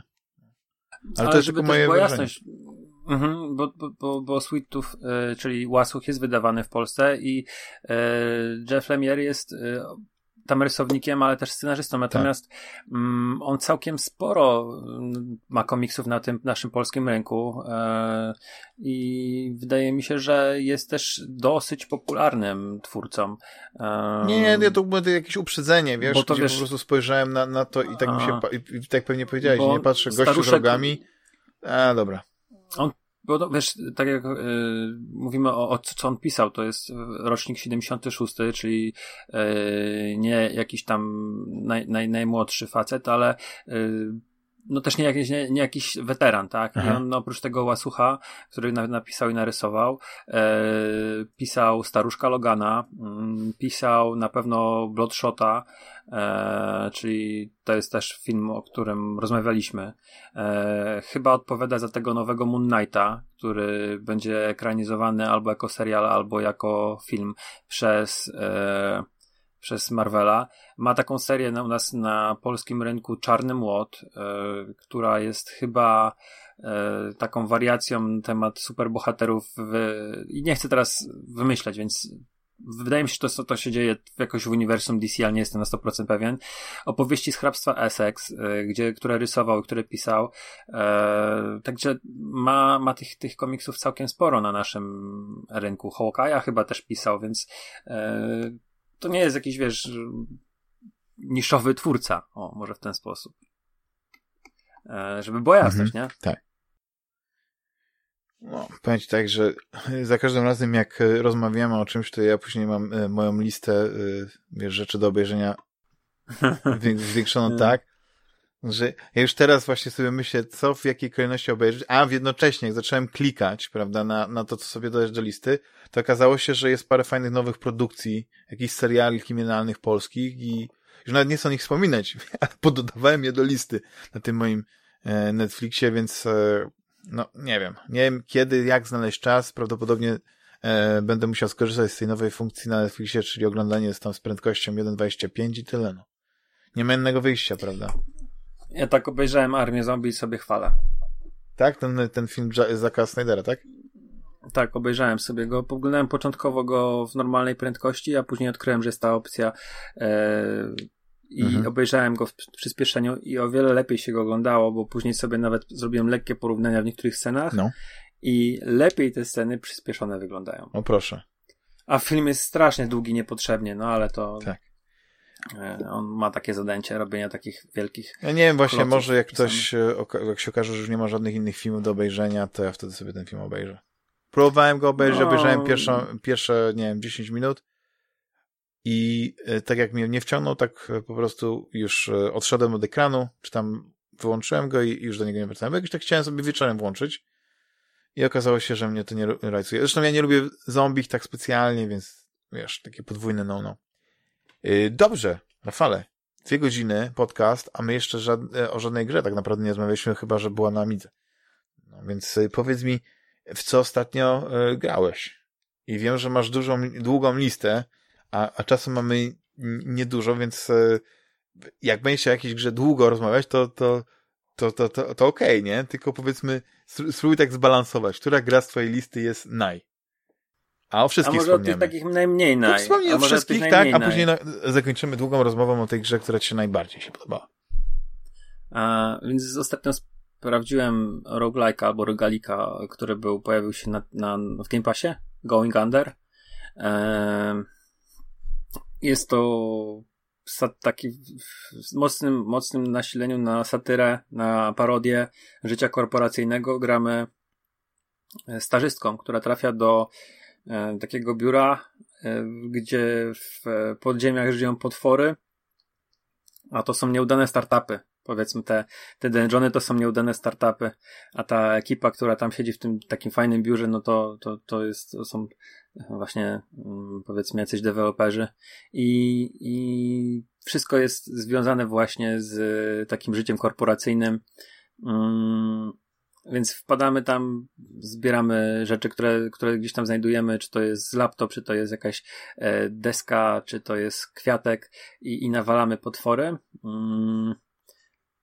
Gra jest e, w porządku, jeżeli chodzi o ten aspekt roguelike'owy. Z, z dungeonów wynosimy mm, powiedzmy, znaczy wypełniając mini zadania, mini questy w dungeonach, to yy, odblokowujemy pewne rzeczy na górze, które możemy w jakiś tam sposób e, przenieść do lochów, nie? Czy to będzie jeden z takich właśnie naszych asystentów, który będzie gościu, mm, który da jakiś bonus, albo będzie nam drugi kradł ze sklepu jedną rzecz. E, w dungeonach zbieramy dwa rodzaje waluty. Za jeden możemy kupować w ramach dungeonu przedmioty albo ulepszenia, natomiast drugi wynosimy na powierzchnię i za niego kupujemy powiedzmy perka, który, z którym możemy wejść do dungeonu, czyli to na przykład ten perk to będą rękawice bokserskie, będziemy mogli nawalać bez broni szybko, albo możemy wziąć perk, gdzie poruszamy się szybciej. Tych perków jest tam chyba 90, jeszcze wszystkich nie odblokowałem. I o ile to, to, to jest całkiem fajna zabawa. Ta gra e, całkiem nieźle chodzi na... To jest pełne 3D, Możemy sobie obracać mapą, możemy sobie obracać tymi pokojami. Ona jest wymagająca, ma mm, coraz z każdym, z każdym powiedzmy wejściem się tam coś nowego pojawia. Czary w postaci apek na telefon, którymi możemy rzucać. Wiesz, paraliż to jest robienie zdjęcia i wszystkie potworusy wtedy zatrzymują się i patrzą na zdjęcie, e, czy na twój telefon. I to wszystko jest spoko. Tylko, że e, roguelike'i mają taką zaletę, że to powinno być mega szybkie, bo czasami ten run może trwać 20 minut, ale mm, generalnie powinnyś mieć jak najmniej mniej przeszkód, żeby ten ran odpalić. Natomiast e, problemem jest dla mnie w tej grze e, ciągnąca się jak flaki z olejem fabuła na powierzchni. Są pewne rzeczy, jak przechodzimy, odblokujemy jakieś wydarzenia, ale też są jakieś losowe tam przerwy w naszych biegnięciu do dungeona, gdzie musimy gadać z ludźmi i wiesz, tam nie ma voice actingu, tylko mamy dwie takie postacie jak w no, visual novel, po lewej stronie postać i po prawej stronie postać i są chmurki jak w komunikatorze. I to tak trwa i trwa i trwa i trwa, że no mnie to... Mm, już powie, że to jest 5 minut, to jest 7 minut, no to o czym ty mówisz? No tak, ale roguelike powinien być taki, że to wchodzisz i zaczynasz grać i e, fabuła powinna być sprzedana w, dosłownie w 10 sekund ewentualna, e, albo w, w, w jakichś tam obrazkach trzech. E, dlatego wielkim uczuciem darzy na przykład e, Binding of Isaac, tak, świetny roguelike, czy mm, czy, czy Enter the Gungeon, tam w ogóle nie było tej fabuły. Po prostu wchodziłem do dungeona i grałem. I o to chodzi w tej grze, tam nie, jest, nie, nie grasz w nią dla fabuły. A tutaj jest to męczące przewijanie tego właściwie po...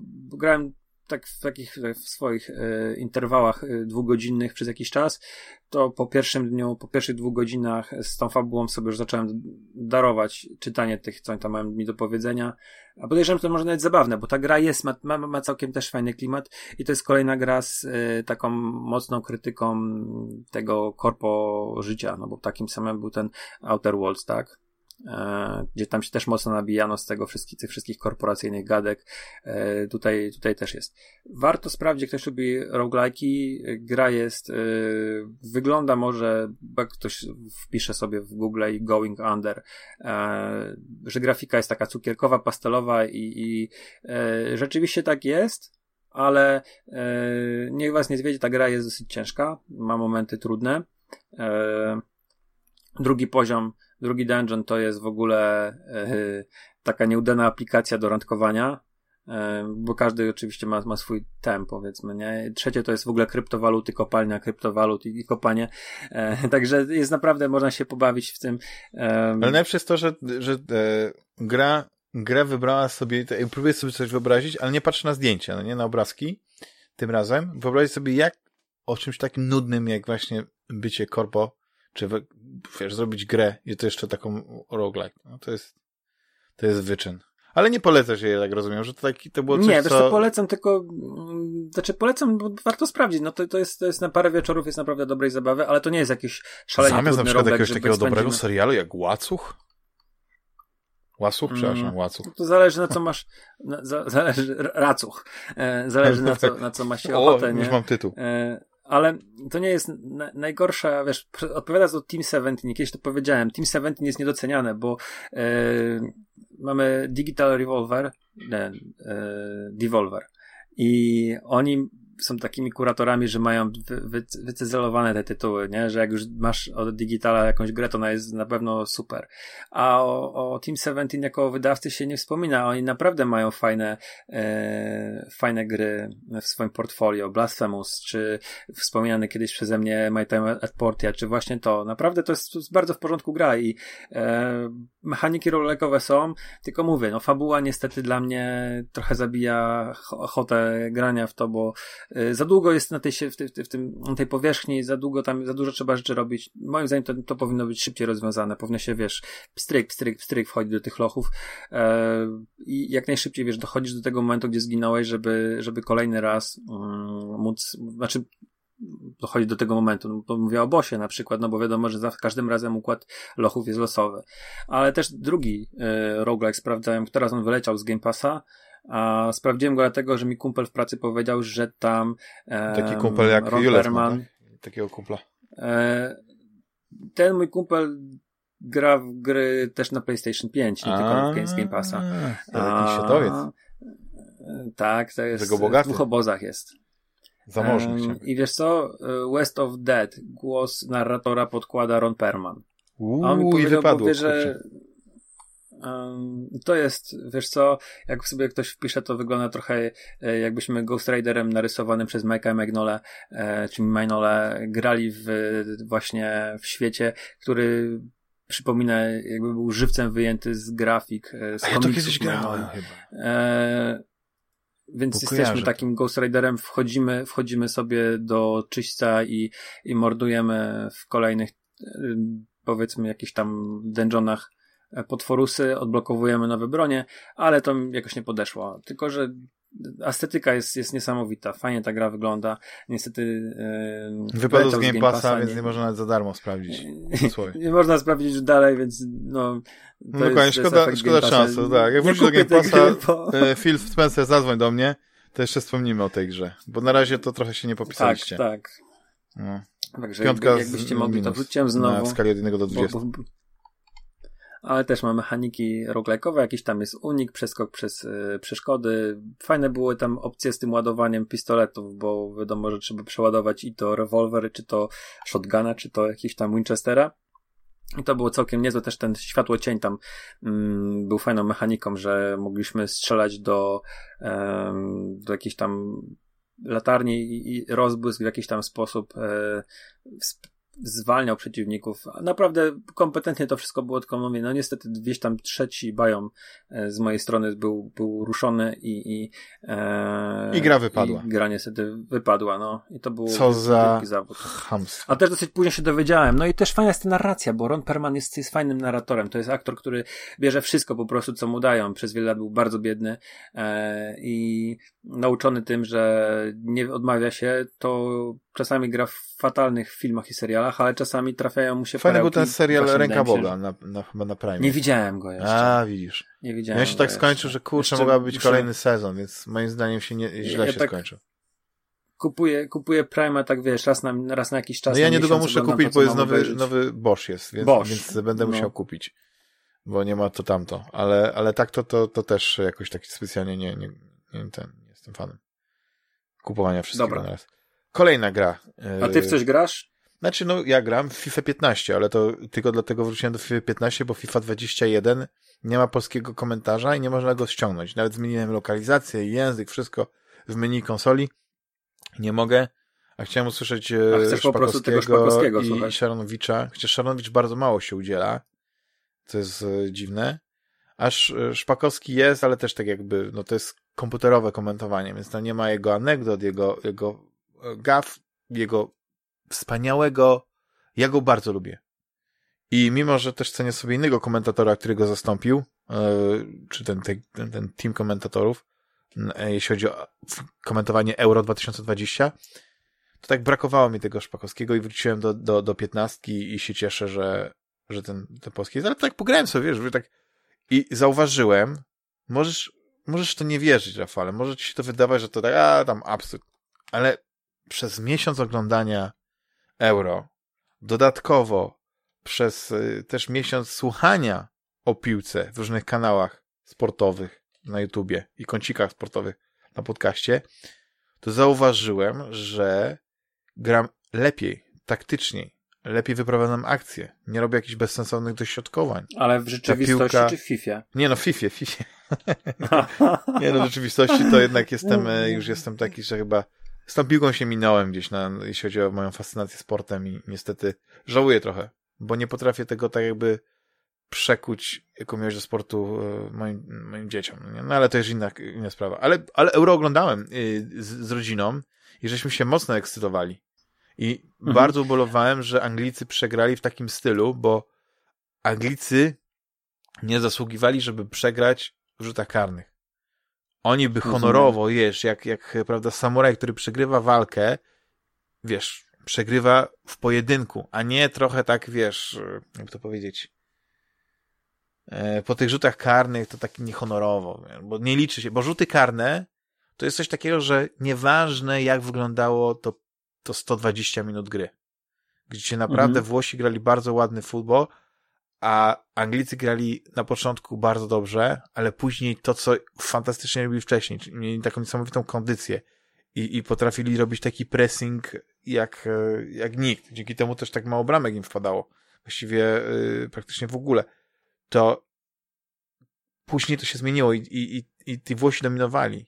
I Włosi zasłużyli, żeby wygrać przed karnymi, żeby nie nie było takiego dramatu, jaki właśnie się wytworzył po, e, po tych rzutach karnych, bo jednak to jest loteria nerwów, nie to, że loteria w sensie rzutów kosmos, tylko po prostu tam naprawdę wiele takich czynników jest związanych właśnie z nerwami i z, z, z takimi rzeczami, które no, które wpływają na psychikę, bo to jest ten czas, to miejsce i tak dalej. No więc, y, no, tak to było.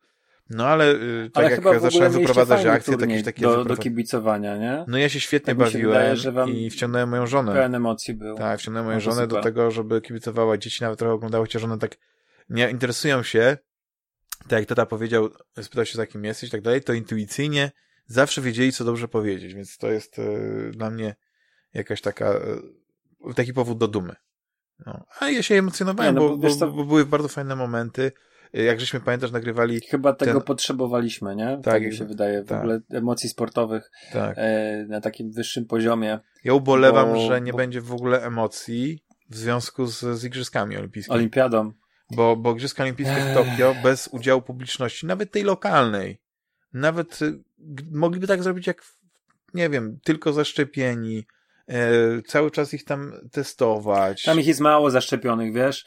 E, w Japonii to chyba jakoś bardzo opornie idzie. No ich jest sporo, ale e, to nie tłumaczy tego, tej, takich wielkich przystojów. Tam, tak. tam jeszcze, wiesz, te grupy takie 60 plus nie są wyszczepione nawet, więc... No nie wiem, to wpuszczać tylko młodych, 18-letnich kibiców, 20-letnich. No nie wiem, no ja bym powiedział, że okej, okay, gdzieś tam w takim Nigdy razie... mi się niektóre konkurencje w ogóle nie kojarzą mi się z widokiem publiczności. To nie jest taki sport, to nie są takie sporty, gdzie, gdzie ja bym tej publiczności, ale jej nie słychać i to jest problem.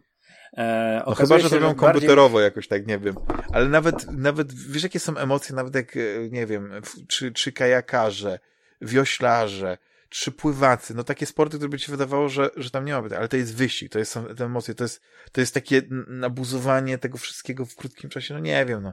Wiadomo, że nie ma emocji, jak ktoś tam biegnie jakiś maraton, nie, no to, to tam, tam czym się ekscytować, nie, tam jest jakiś jeden gość, który tam wszystkich odsadzi i dobiegnie pierwszy i później tam wszyscy za nim.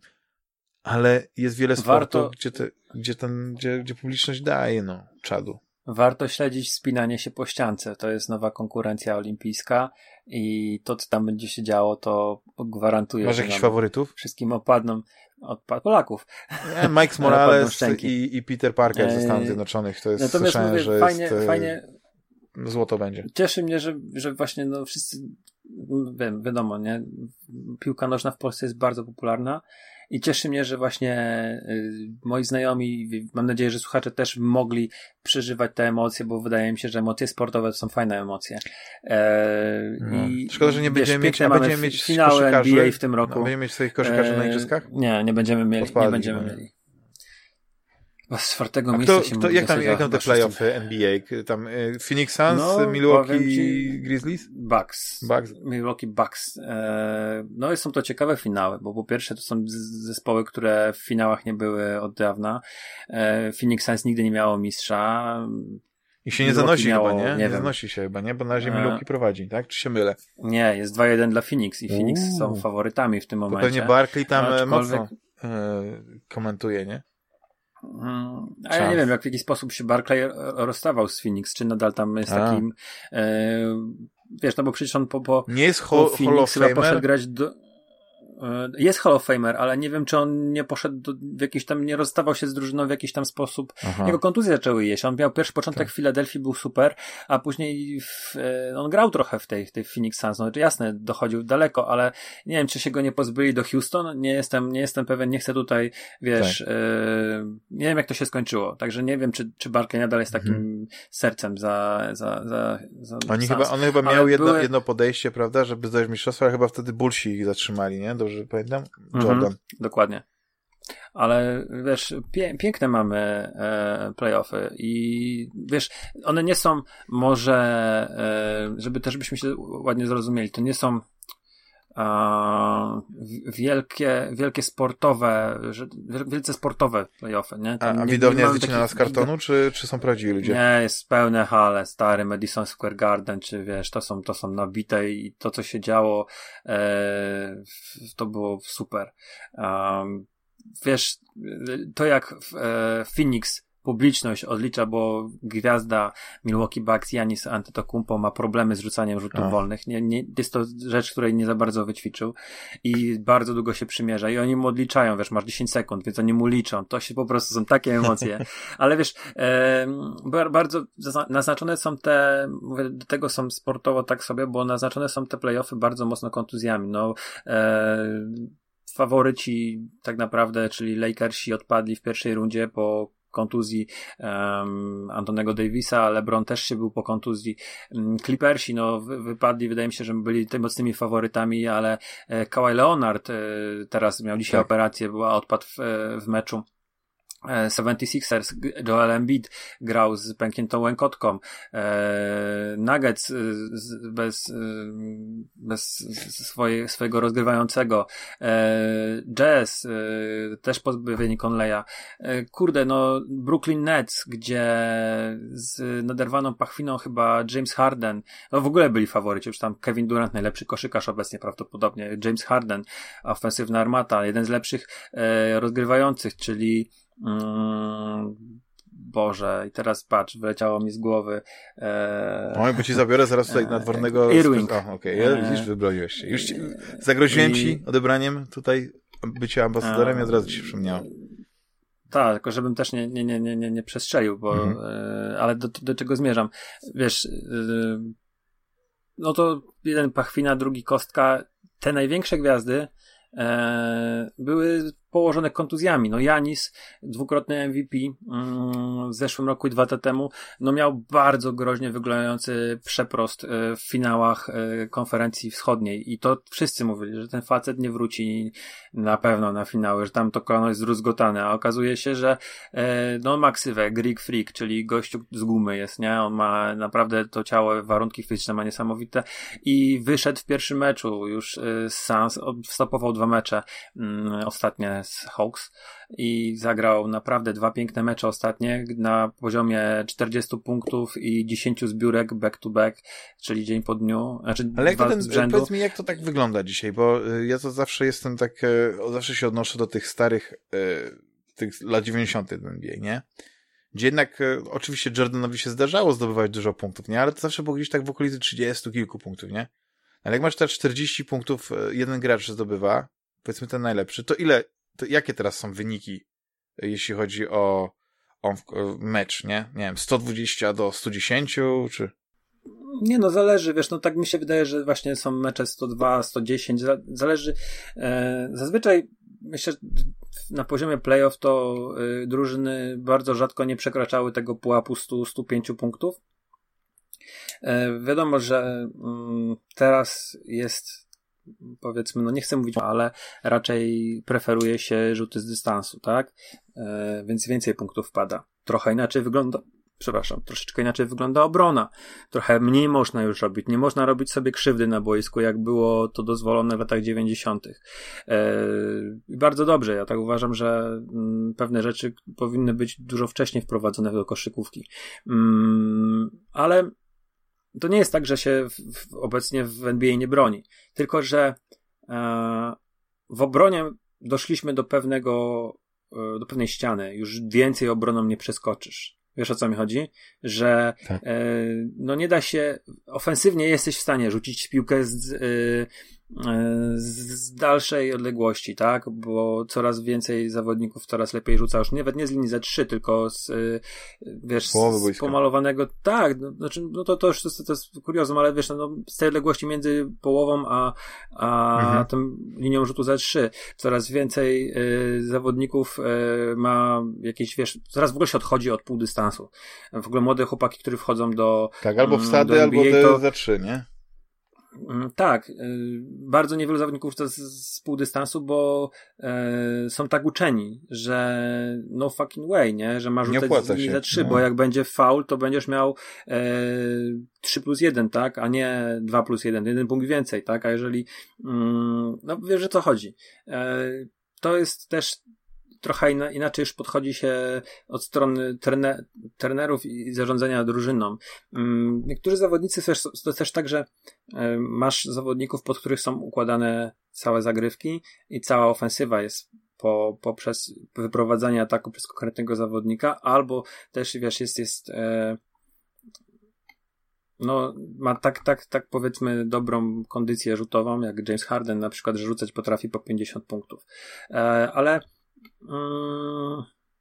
jeżeli e, jeszcze mogę coś powiedzieć o finałach. Oczywiście, no, od tego jest kącik sportowy. Dwie, dwie drużyny z małego rynku, że wiesz, że to nie jest znowu Los Angeles e, czy Miami, że no, kocham Chicago, ale cieszę, znaczy cieszę się, no, cieszę się, że żal mi, że z Chicago nie ma, ale cieszę że są drużyny z małego rynku, bo wiesz, wchodzi pewnego rodzaju patologia e, do NBA i to mnie boli, że te małe drużyny, one nie są atrakcyjne i nie, nie są w stanie ściągnąć wolnych agentów, tylko zdobyć coś w ewentualnej wymianie, albo wychować sobie, nawet jak wychowają sobie gracza, tak, czyli go mhm. wybiorą w drafcie, tak.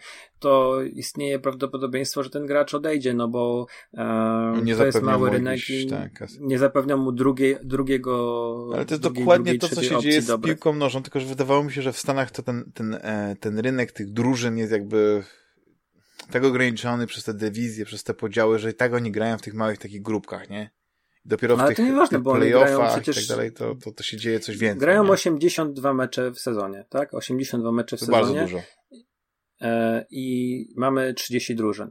I oni grają, dwie konferencje mamy. W jednej jest 15 i w drugiej jest 15. Na te 82 mecze e, drużyna gra um, 30 meczy z drużynami z drugiej konferencji.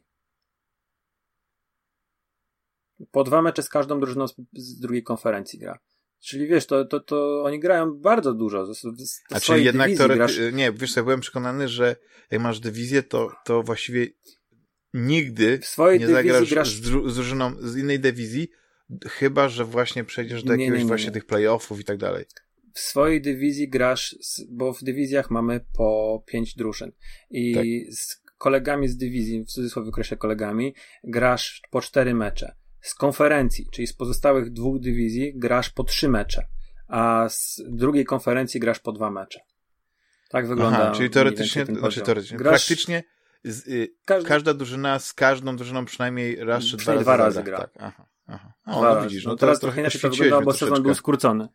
Sezon był skrócony, do, a wiesz, a w playoffach, no niestety w playoffach się już spotykasz tylko z drużynami ze swojej konferencji, głównie, bo później finał jest oczywiście, ale e, no wiesz, są, jest krytyka spora tego, bo przez wiele lat wschód był e, słabszy od zachodu. To znaczy, na wschodzie był LeBron James, na zachodzie był, był, było Golden State, było Houston, było Oklahoma w duecie e, Kevin Durant i Russell Westbrook. Houston na zachodzie? Było, e, tak, Houston jest, jest Texas. Tak. E, no było San Antonio. Centrum, od, ale może masz rację, tak, bo to tak od, nie jestem dobry z geografii. Od czasu Jordana to e, San Antonio pięć tytułów zdobyło. To była maszyna do zdobywania tytułów. Popowicz, e, trener, Greg Popowicz stworzył system gry właściwie. E, i oni tam po prostu no, Tim Duncan uważam jest jeden z lepszych koszykarzy w historii mm, doprowadził do, do pięciu tytułów zdobycia, więc tam zachód był bardzo mocny, na wschodzie był LeBron James. LeBron James się meldował ile razy w finałach pod rząd, czy to z Cleveland, czy to z Miami, czy to później znowu w Cleveland. E, także wiesz mm, czy na pewno na przykład, wiesz, drużyna z ósmego miejsca na zachodzie jest tam tak, gdyby grała z ósmą z drużyną z wschodu, to czy to by były równe drużyny? No nie, bo na wschodzie były słabsze drużyny. No może dlatego, że uciekali trochę na zachód e, od, od LeBrona Jamesa, ciężko powiedzieć. A, natomiast, wiesz, e, teraz to się wyrównuje. Sporo gwiazd poszło na, na wschód. E, mamy bardzo mocną paczkę w Nets Fajnie wygląda powoli sytuacja z 76ers. Tam myślę, że też coś fajne dojdzie w tym sezonie. Mm, New York Knicks mogą być ciekawą opcją, bo zaczęli grać coś w tym sezonie. Mają fajnego trenera Thibodeau, e, dawny trener Bullsów, który e, lubi twardą grę i poza tym Nowy Jork jest atrakcyjny, nie? Nie ma co się oszukiwać. Miami Heat e, no, Washington Wizards ma teraz Russella Westbrooka, e, Bradley Bill, myślę, że może coś ugrają. W, e, no, Bucks jest, jest, jest, ma dwukrotnego MVP Janisa, może w tym roku zdobędą to mistrzostwo. No i Boston Celtics, tak, e, coraz, coraz ciekawiej wyglądają. No, moje Chicago Bulls, dwóch All-Starów, Zaklavin, Nikola Wucewicz.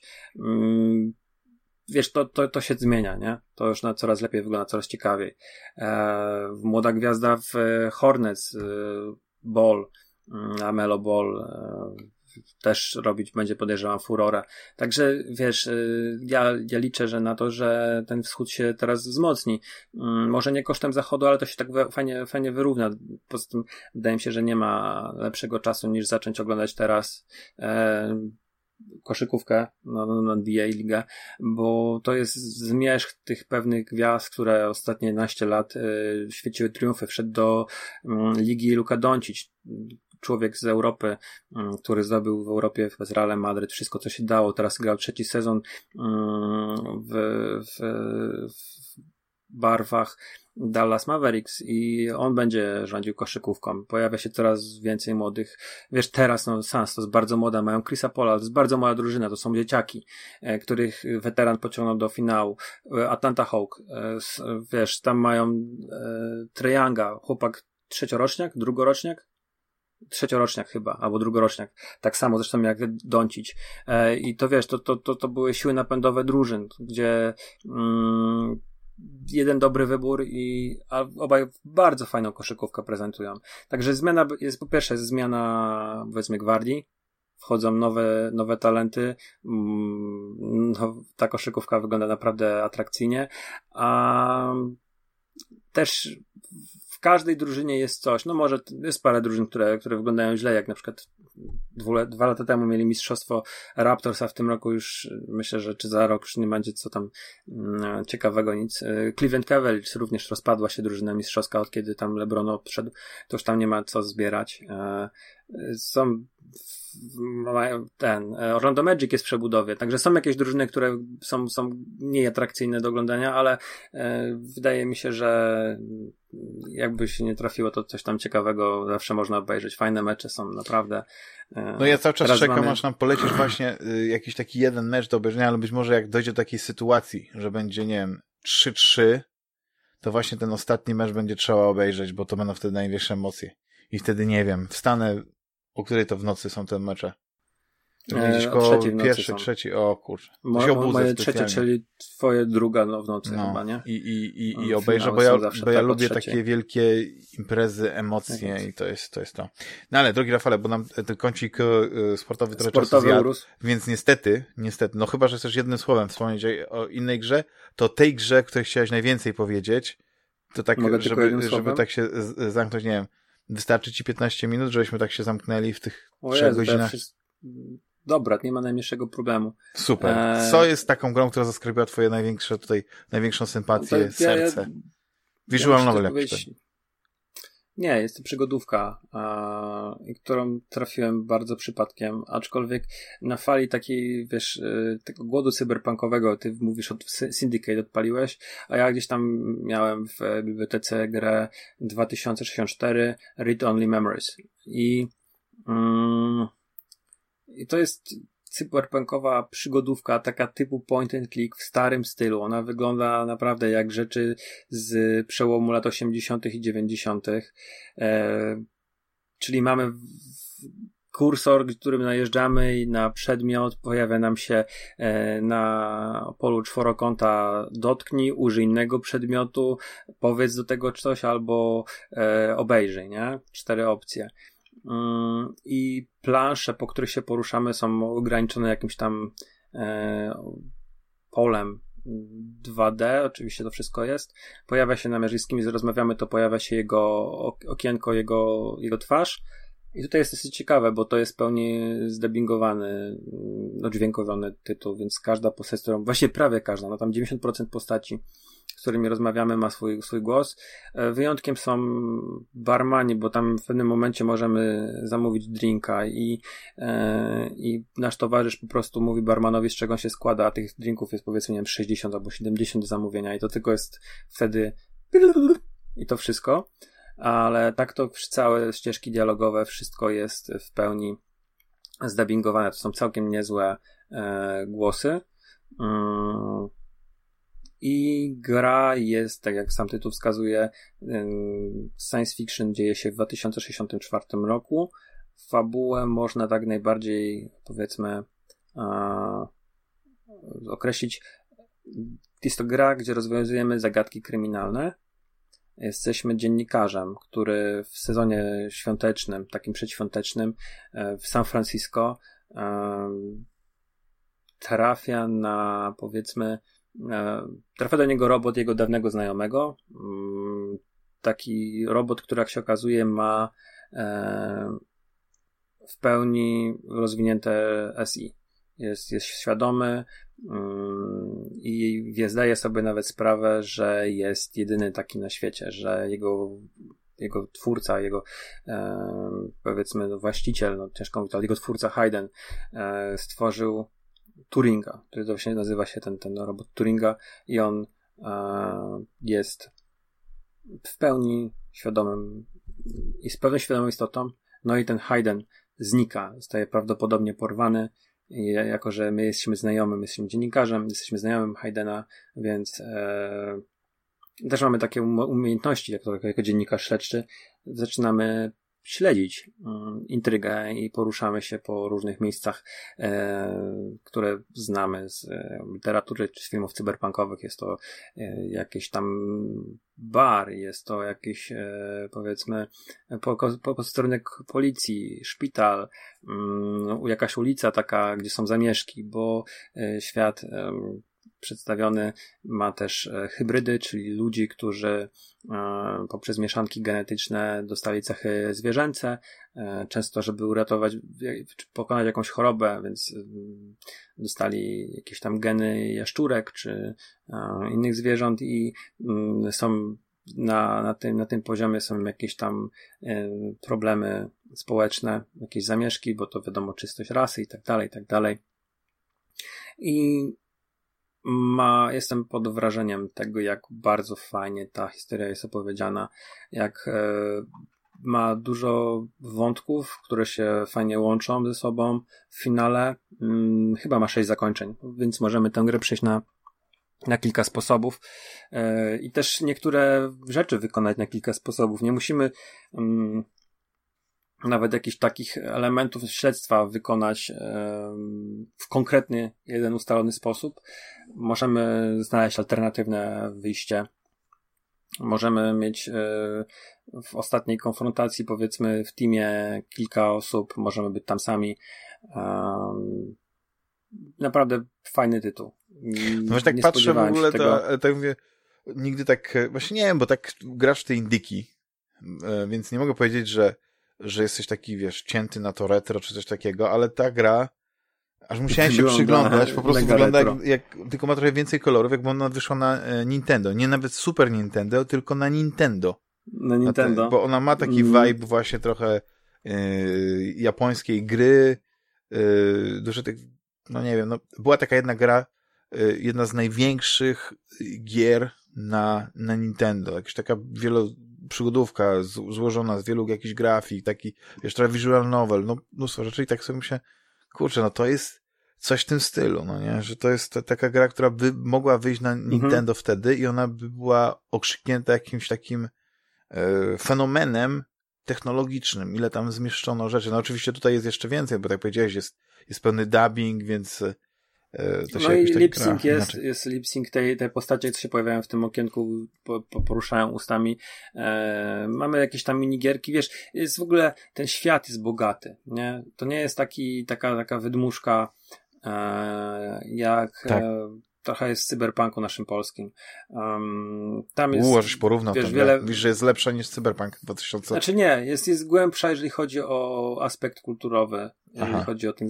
Yy, może dlatego, że jest skondensowana, wiesz, że to, to, to tak, no tak nie, nie, nie rzucają ci się te rzeczy, które są niedopracowane, bo po prostu ich nie widać. Jest tylko wszystko to, co mogli w tej formie dopieścić. Mhm. Już tak wrażę. Mm, bardzo, bardzo tam jest, wiesz, na przykład jest e, wątek jakiegoś tam dziennikarstwa, blogerów, e, korporacji, które przejmują, e, powiedzmy, media. Mm, tak, jest etyka. tam prezentera. E, jest coś o ustawie tej, co ma być niedługo? Polski kapitał musi mieć. Mm, nie, bo to jest gra z 2015 roku. Myślę, że tak. E, A, nie wybiegali. Takimi tak. futurysta, futurystami nie byli, nie byli tutaj ci twórcy. Ale wiesz, są, są e, znaczy grasz w gry, żeby też jakieś tam eskapizm, ale też, żeby tak. coś, coś, coś nowego zobaczyć, coś nowego poznać. I tutaj jest właśnie um, te, te konflikty są takie, takie prawdziwe. I w ogóle chyba na końcu jest, ja tego już nawet nie pociągnąłem, ale e, jest epilog, e, który, który pozwala mm, na chyba nawet randkowanie, więc y, gdzieś tam mamy jeszcze jakiś dating sim, ale y, wiesz, tam jest dobre, tu jest naprawdę bardzo dobra intryga, to jest fajnie napisane, no. Rzeczy, które mogą tam zniechęcić kogoś, to nie wiem, może e, że tutaj rzeczywiście twórcy pozwalają sobie na taką fantazję i rozróżniają więcej niż te dwie płci biologiczne, które, które wielu, wielu, ludzie, ludzi jest do nich przyzwyczajonych. Tutaj e, mamy te hybrydy ze zwierzętami, więc po, po, popłynęli nie, w pewnych aspektach. Ale mhm. mm, nie jest to natarczywe, wiesz? To nie jest takie, że jakaś indoktrynacja mocna czy coś w tym nie rodzaju. No, no, na tym polega, znaczy... wiesz, mi to nie przeszkadza właśnie w grze science fiction, no właśnie na tym polega, żeby też pewne pewne stereotypy, mhm. pewne przyzwyczajenia trochę, no tak ukuć je troszeczkę, ale żeby to jakoś tak przedstawić, żeby to miało ręce i nogi. Jakiś taki sens. No na tym właśnie podlega ta futurologia. Eee, nie wiem, futurologia, akad, wiesz, ten, ten futuryzm, to, to science fiction, nie? Jest kapitalny odcinek, eee, tak abstrahując e, trochę od, od samej gry, ale jest kapitalny odcinek e, Mythic Quest e, mhm. drugiego sezonu, gdzie jeden z tych głównych bohaterów... Widziałeś w ogóle Mythic Quest, ten serial? Nie. Nie ma mapy. Okej, okay, to jest, tylko że teraz muszę, aż, aż sobie muszę, muszę sobie yy, dokładnie mówić, żeby nie przekręcić, nie przekręcić yy, nazwiska bohatera. Bo ja mam słabą pamięć do tego, do nazwisk, więc muszę mieć to przed oczami. Ale generalnie był taki fantastyczny e, odcinek drugiego sezonu. E, ja tak, ja to nazywam te odcinki właśnie te super takie stand-alone odcinkami, nie? Że, że one właściwie możesz je obejrzeć bez, bez oglądania całej serii, ale jednak ta, ta wiedza, którą masz o postaciach się bardzo, bardzo przydaje. No i tam jest taki, taki bohater, którego gra F. Murray Abram, no, Oscarowy aktor wybitny, który się nazywa yy, w grze C.W. Longbottom. I to jest To jest gość, ten pisarz? Tak, to jest ten pisarz właśnie w tym Mythic Quest, tak, który tworzy tą narrację, tą fabułę do, do tych o gier. W pierwszym tego, sezonie do... mi opowiadałeś, więc ja pamiętam. Tak. I on jest tam też był taki odcinek o jakiejś parze. Tak, tam, tamten to był jeszcze lepszy, dlatego że tam już w ogóle nawet nie musiałeś oglądać Mythic Quest, bo nie potrzebowałeś w ogóle, bo tam nie było żadnych odniesień. No tu jest jakby ta historia się toczy yy, wokół właśnie młodego CW, kiedy on dopiero zaczynał.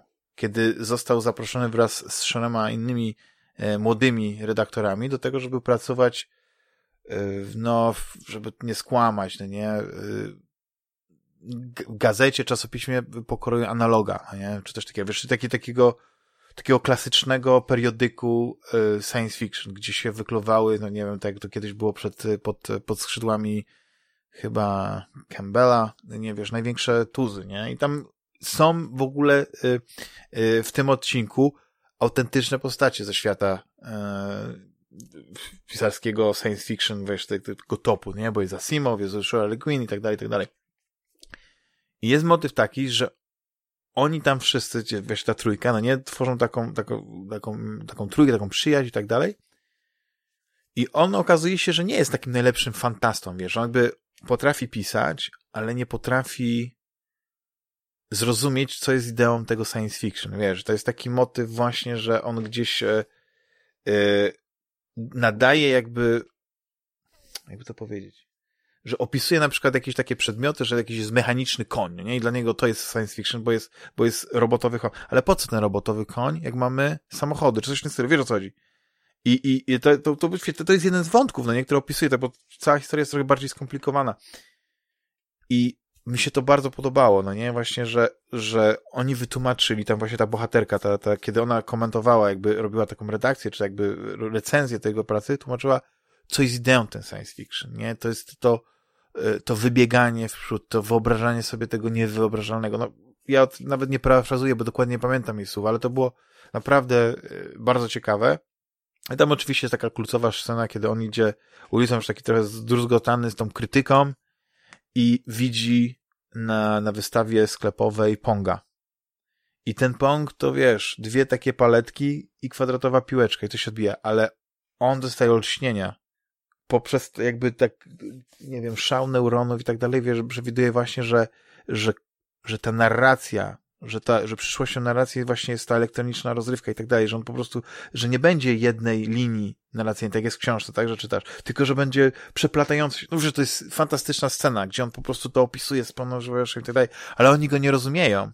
I dopiero gdzieś tam po iluś latach, wiesz, kiedy to, to spotkanie po latach znowu jest, oni przyznają mu rację, że coś przewidział, ale no to jest taka dosyć komiczna postać, to jest bardziej tragiczna postać niż, niż jakaś taka, niż coś więcej, ale to jest tak kapitalny ym, odcinek i on ma później taką puentę, bo w kontynuacji, nie, bo to są dwa odcinki, że uważam, że, że dla tych, dla tych dwóch odcinków właśnie można ten, ten Mythic Quest obejrzeć, w ogóle dla trzech, nie, Ty, byś tylko mógł te trzy odcinki obejrzeć, nie, z pierwszego sezonu ten jeden i tak dalej, to, yy, to nie mógłbym się bardziej posta- znaczy jeszcze bardziej polecić, nie, tak, taką kalkę z angielskiego do nie yy, przeprowadzić.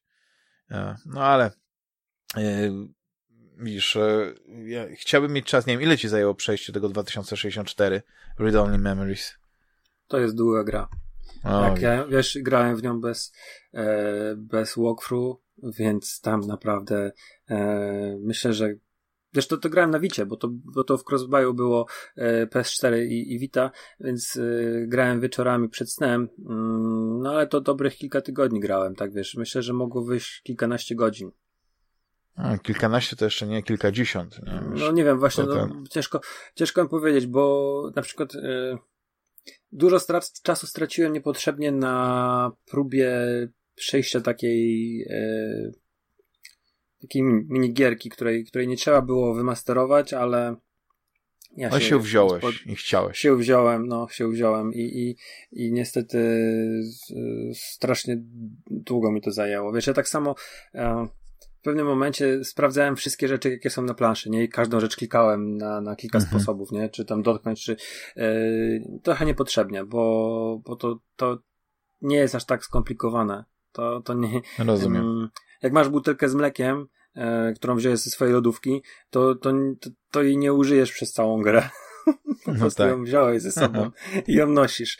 E, to nie jest takie właśnie mm, łączenie przedmiotów bardzo jak, bardziej się, jak wiesz, w takich klasycznych przygodówkach, że tam znajdujesz guzik, gumę do rzucia, sznurek i coś tam jeszcze. Tutaj raczej się dialogami tą, tę grę przechodzi.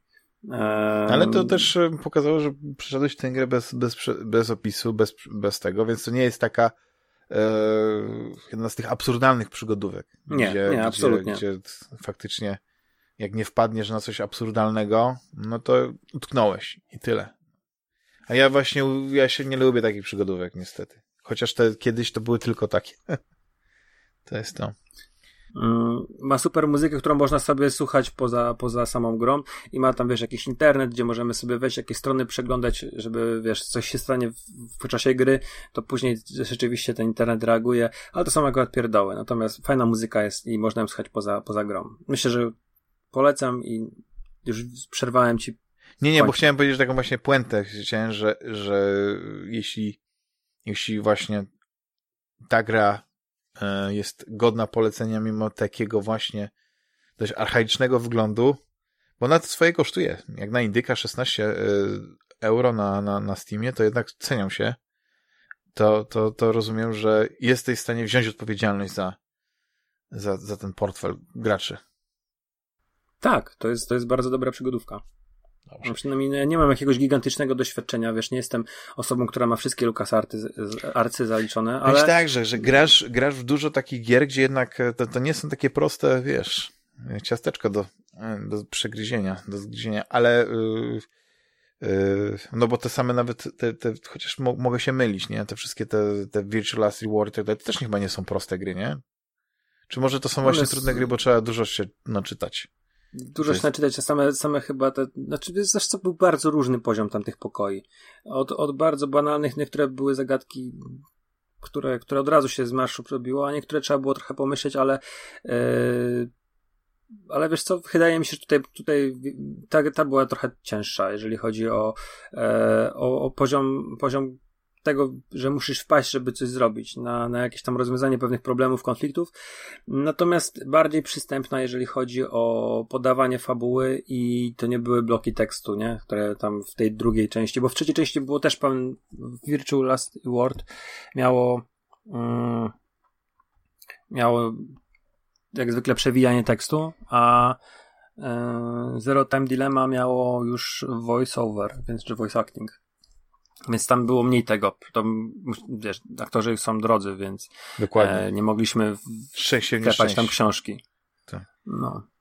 No, ale wiesz co, ja proponuję, żebyście kiedyś właśnie tak, e, nie wiem, z przekory, jest parę takich e, starszych przygodówek, z- sprawdził się. Bo może masz ukryty talent, tylko jesteś skromnym człowiekiem, nie chcesz o tym mówić. Do gier przygodówek, e, przygodowych. Green i- Fantango mnie pokonało. No ja trochę pograłem, ale odbiłem się jednak, e, e, doszedłem do wniosku, że za dużo jest tego takiego chodzenia, biegania, wracania się, kombinowania, tu otwórz okno, później wróć się tędy, coś zrób. Wiesz, to, to, to był ten początek, no niektóry mi dosyć dużo czasu zajął i, i mówię, cały ten humor nie jest warty tego, żebym się po prostu Mhm. męczył, nie? Wiesz, w ten sposób. Ja tak samo Też warto grać takie gry, nie wiem, z opisem albo właśnie, jak, jak to już wcześniej mówiłem, na YouTubie, ale jakbyś się chciał właśnie sprawdzić taką grą przygodową, to Blade Runner. Ostatnio Ryszard grał Mhm. e, na, na, na Steamie, na Steamie i ja chciałem kiedyś zagrać w Blade Runnera, ale ja się bardzo odbiłem wcześniej. Cze- coś tam się nie kliknęło, coś tam się nie pojawiło, czegoś nie zauważyłem i był koniec dla mnie. On tam troszeczkę dalej doszedł, ale też zauważyłem, że, że utknął i, e, a byłem przekonany, że przeszedł tę grę, więc mógł pamiętać wiele rzeczy, ale ta gra ma taki, jest ten element, że tam pewne rzeczy się zmieniają Losowe jest, nie? i No jest, właśnie. jest różne zakończenia, więc nie da się tak do końca wszystkiego y, przewidzieć, nie? Nawet jak się grę y, przeszło już raz.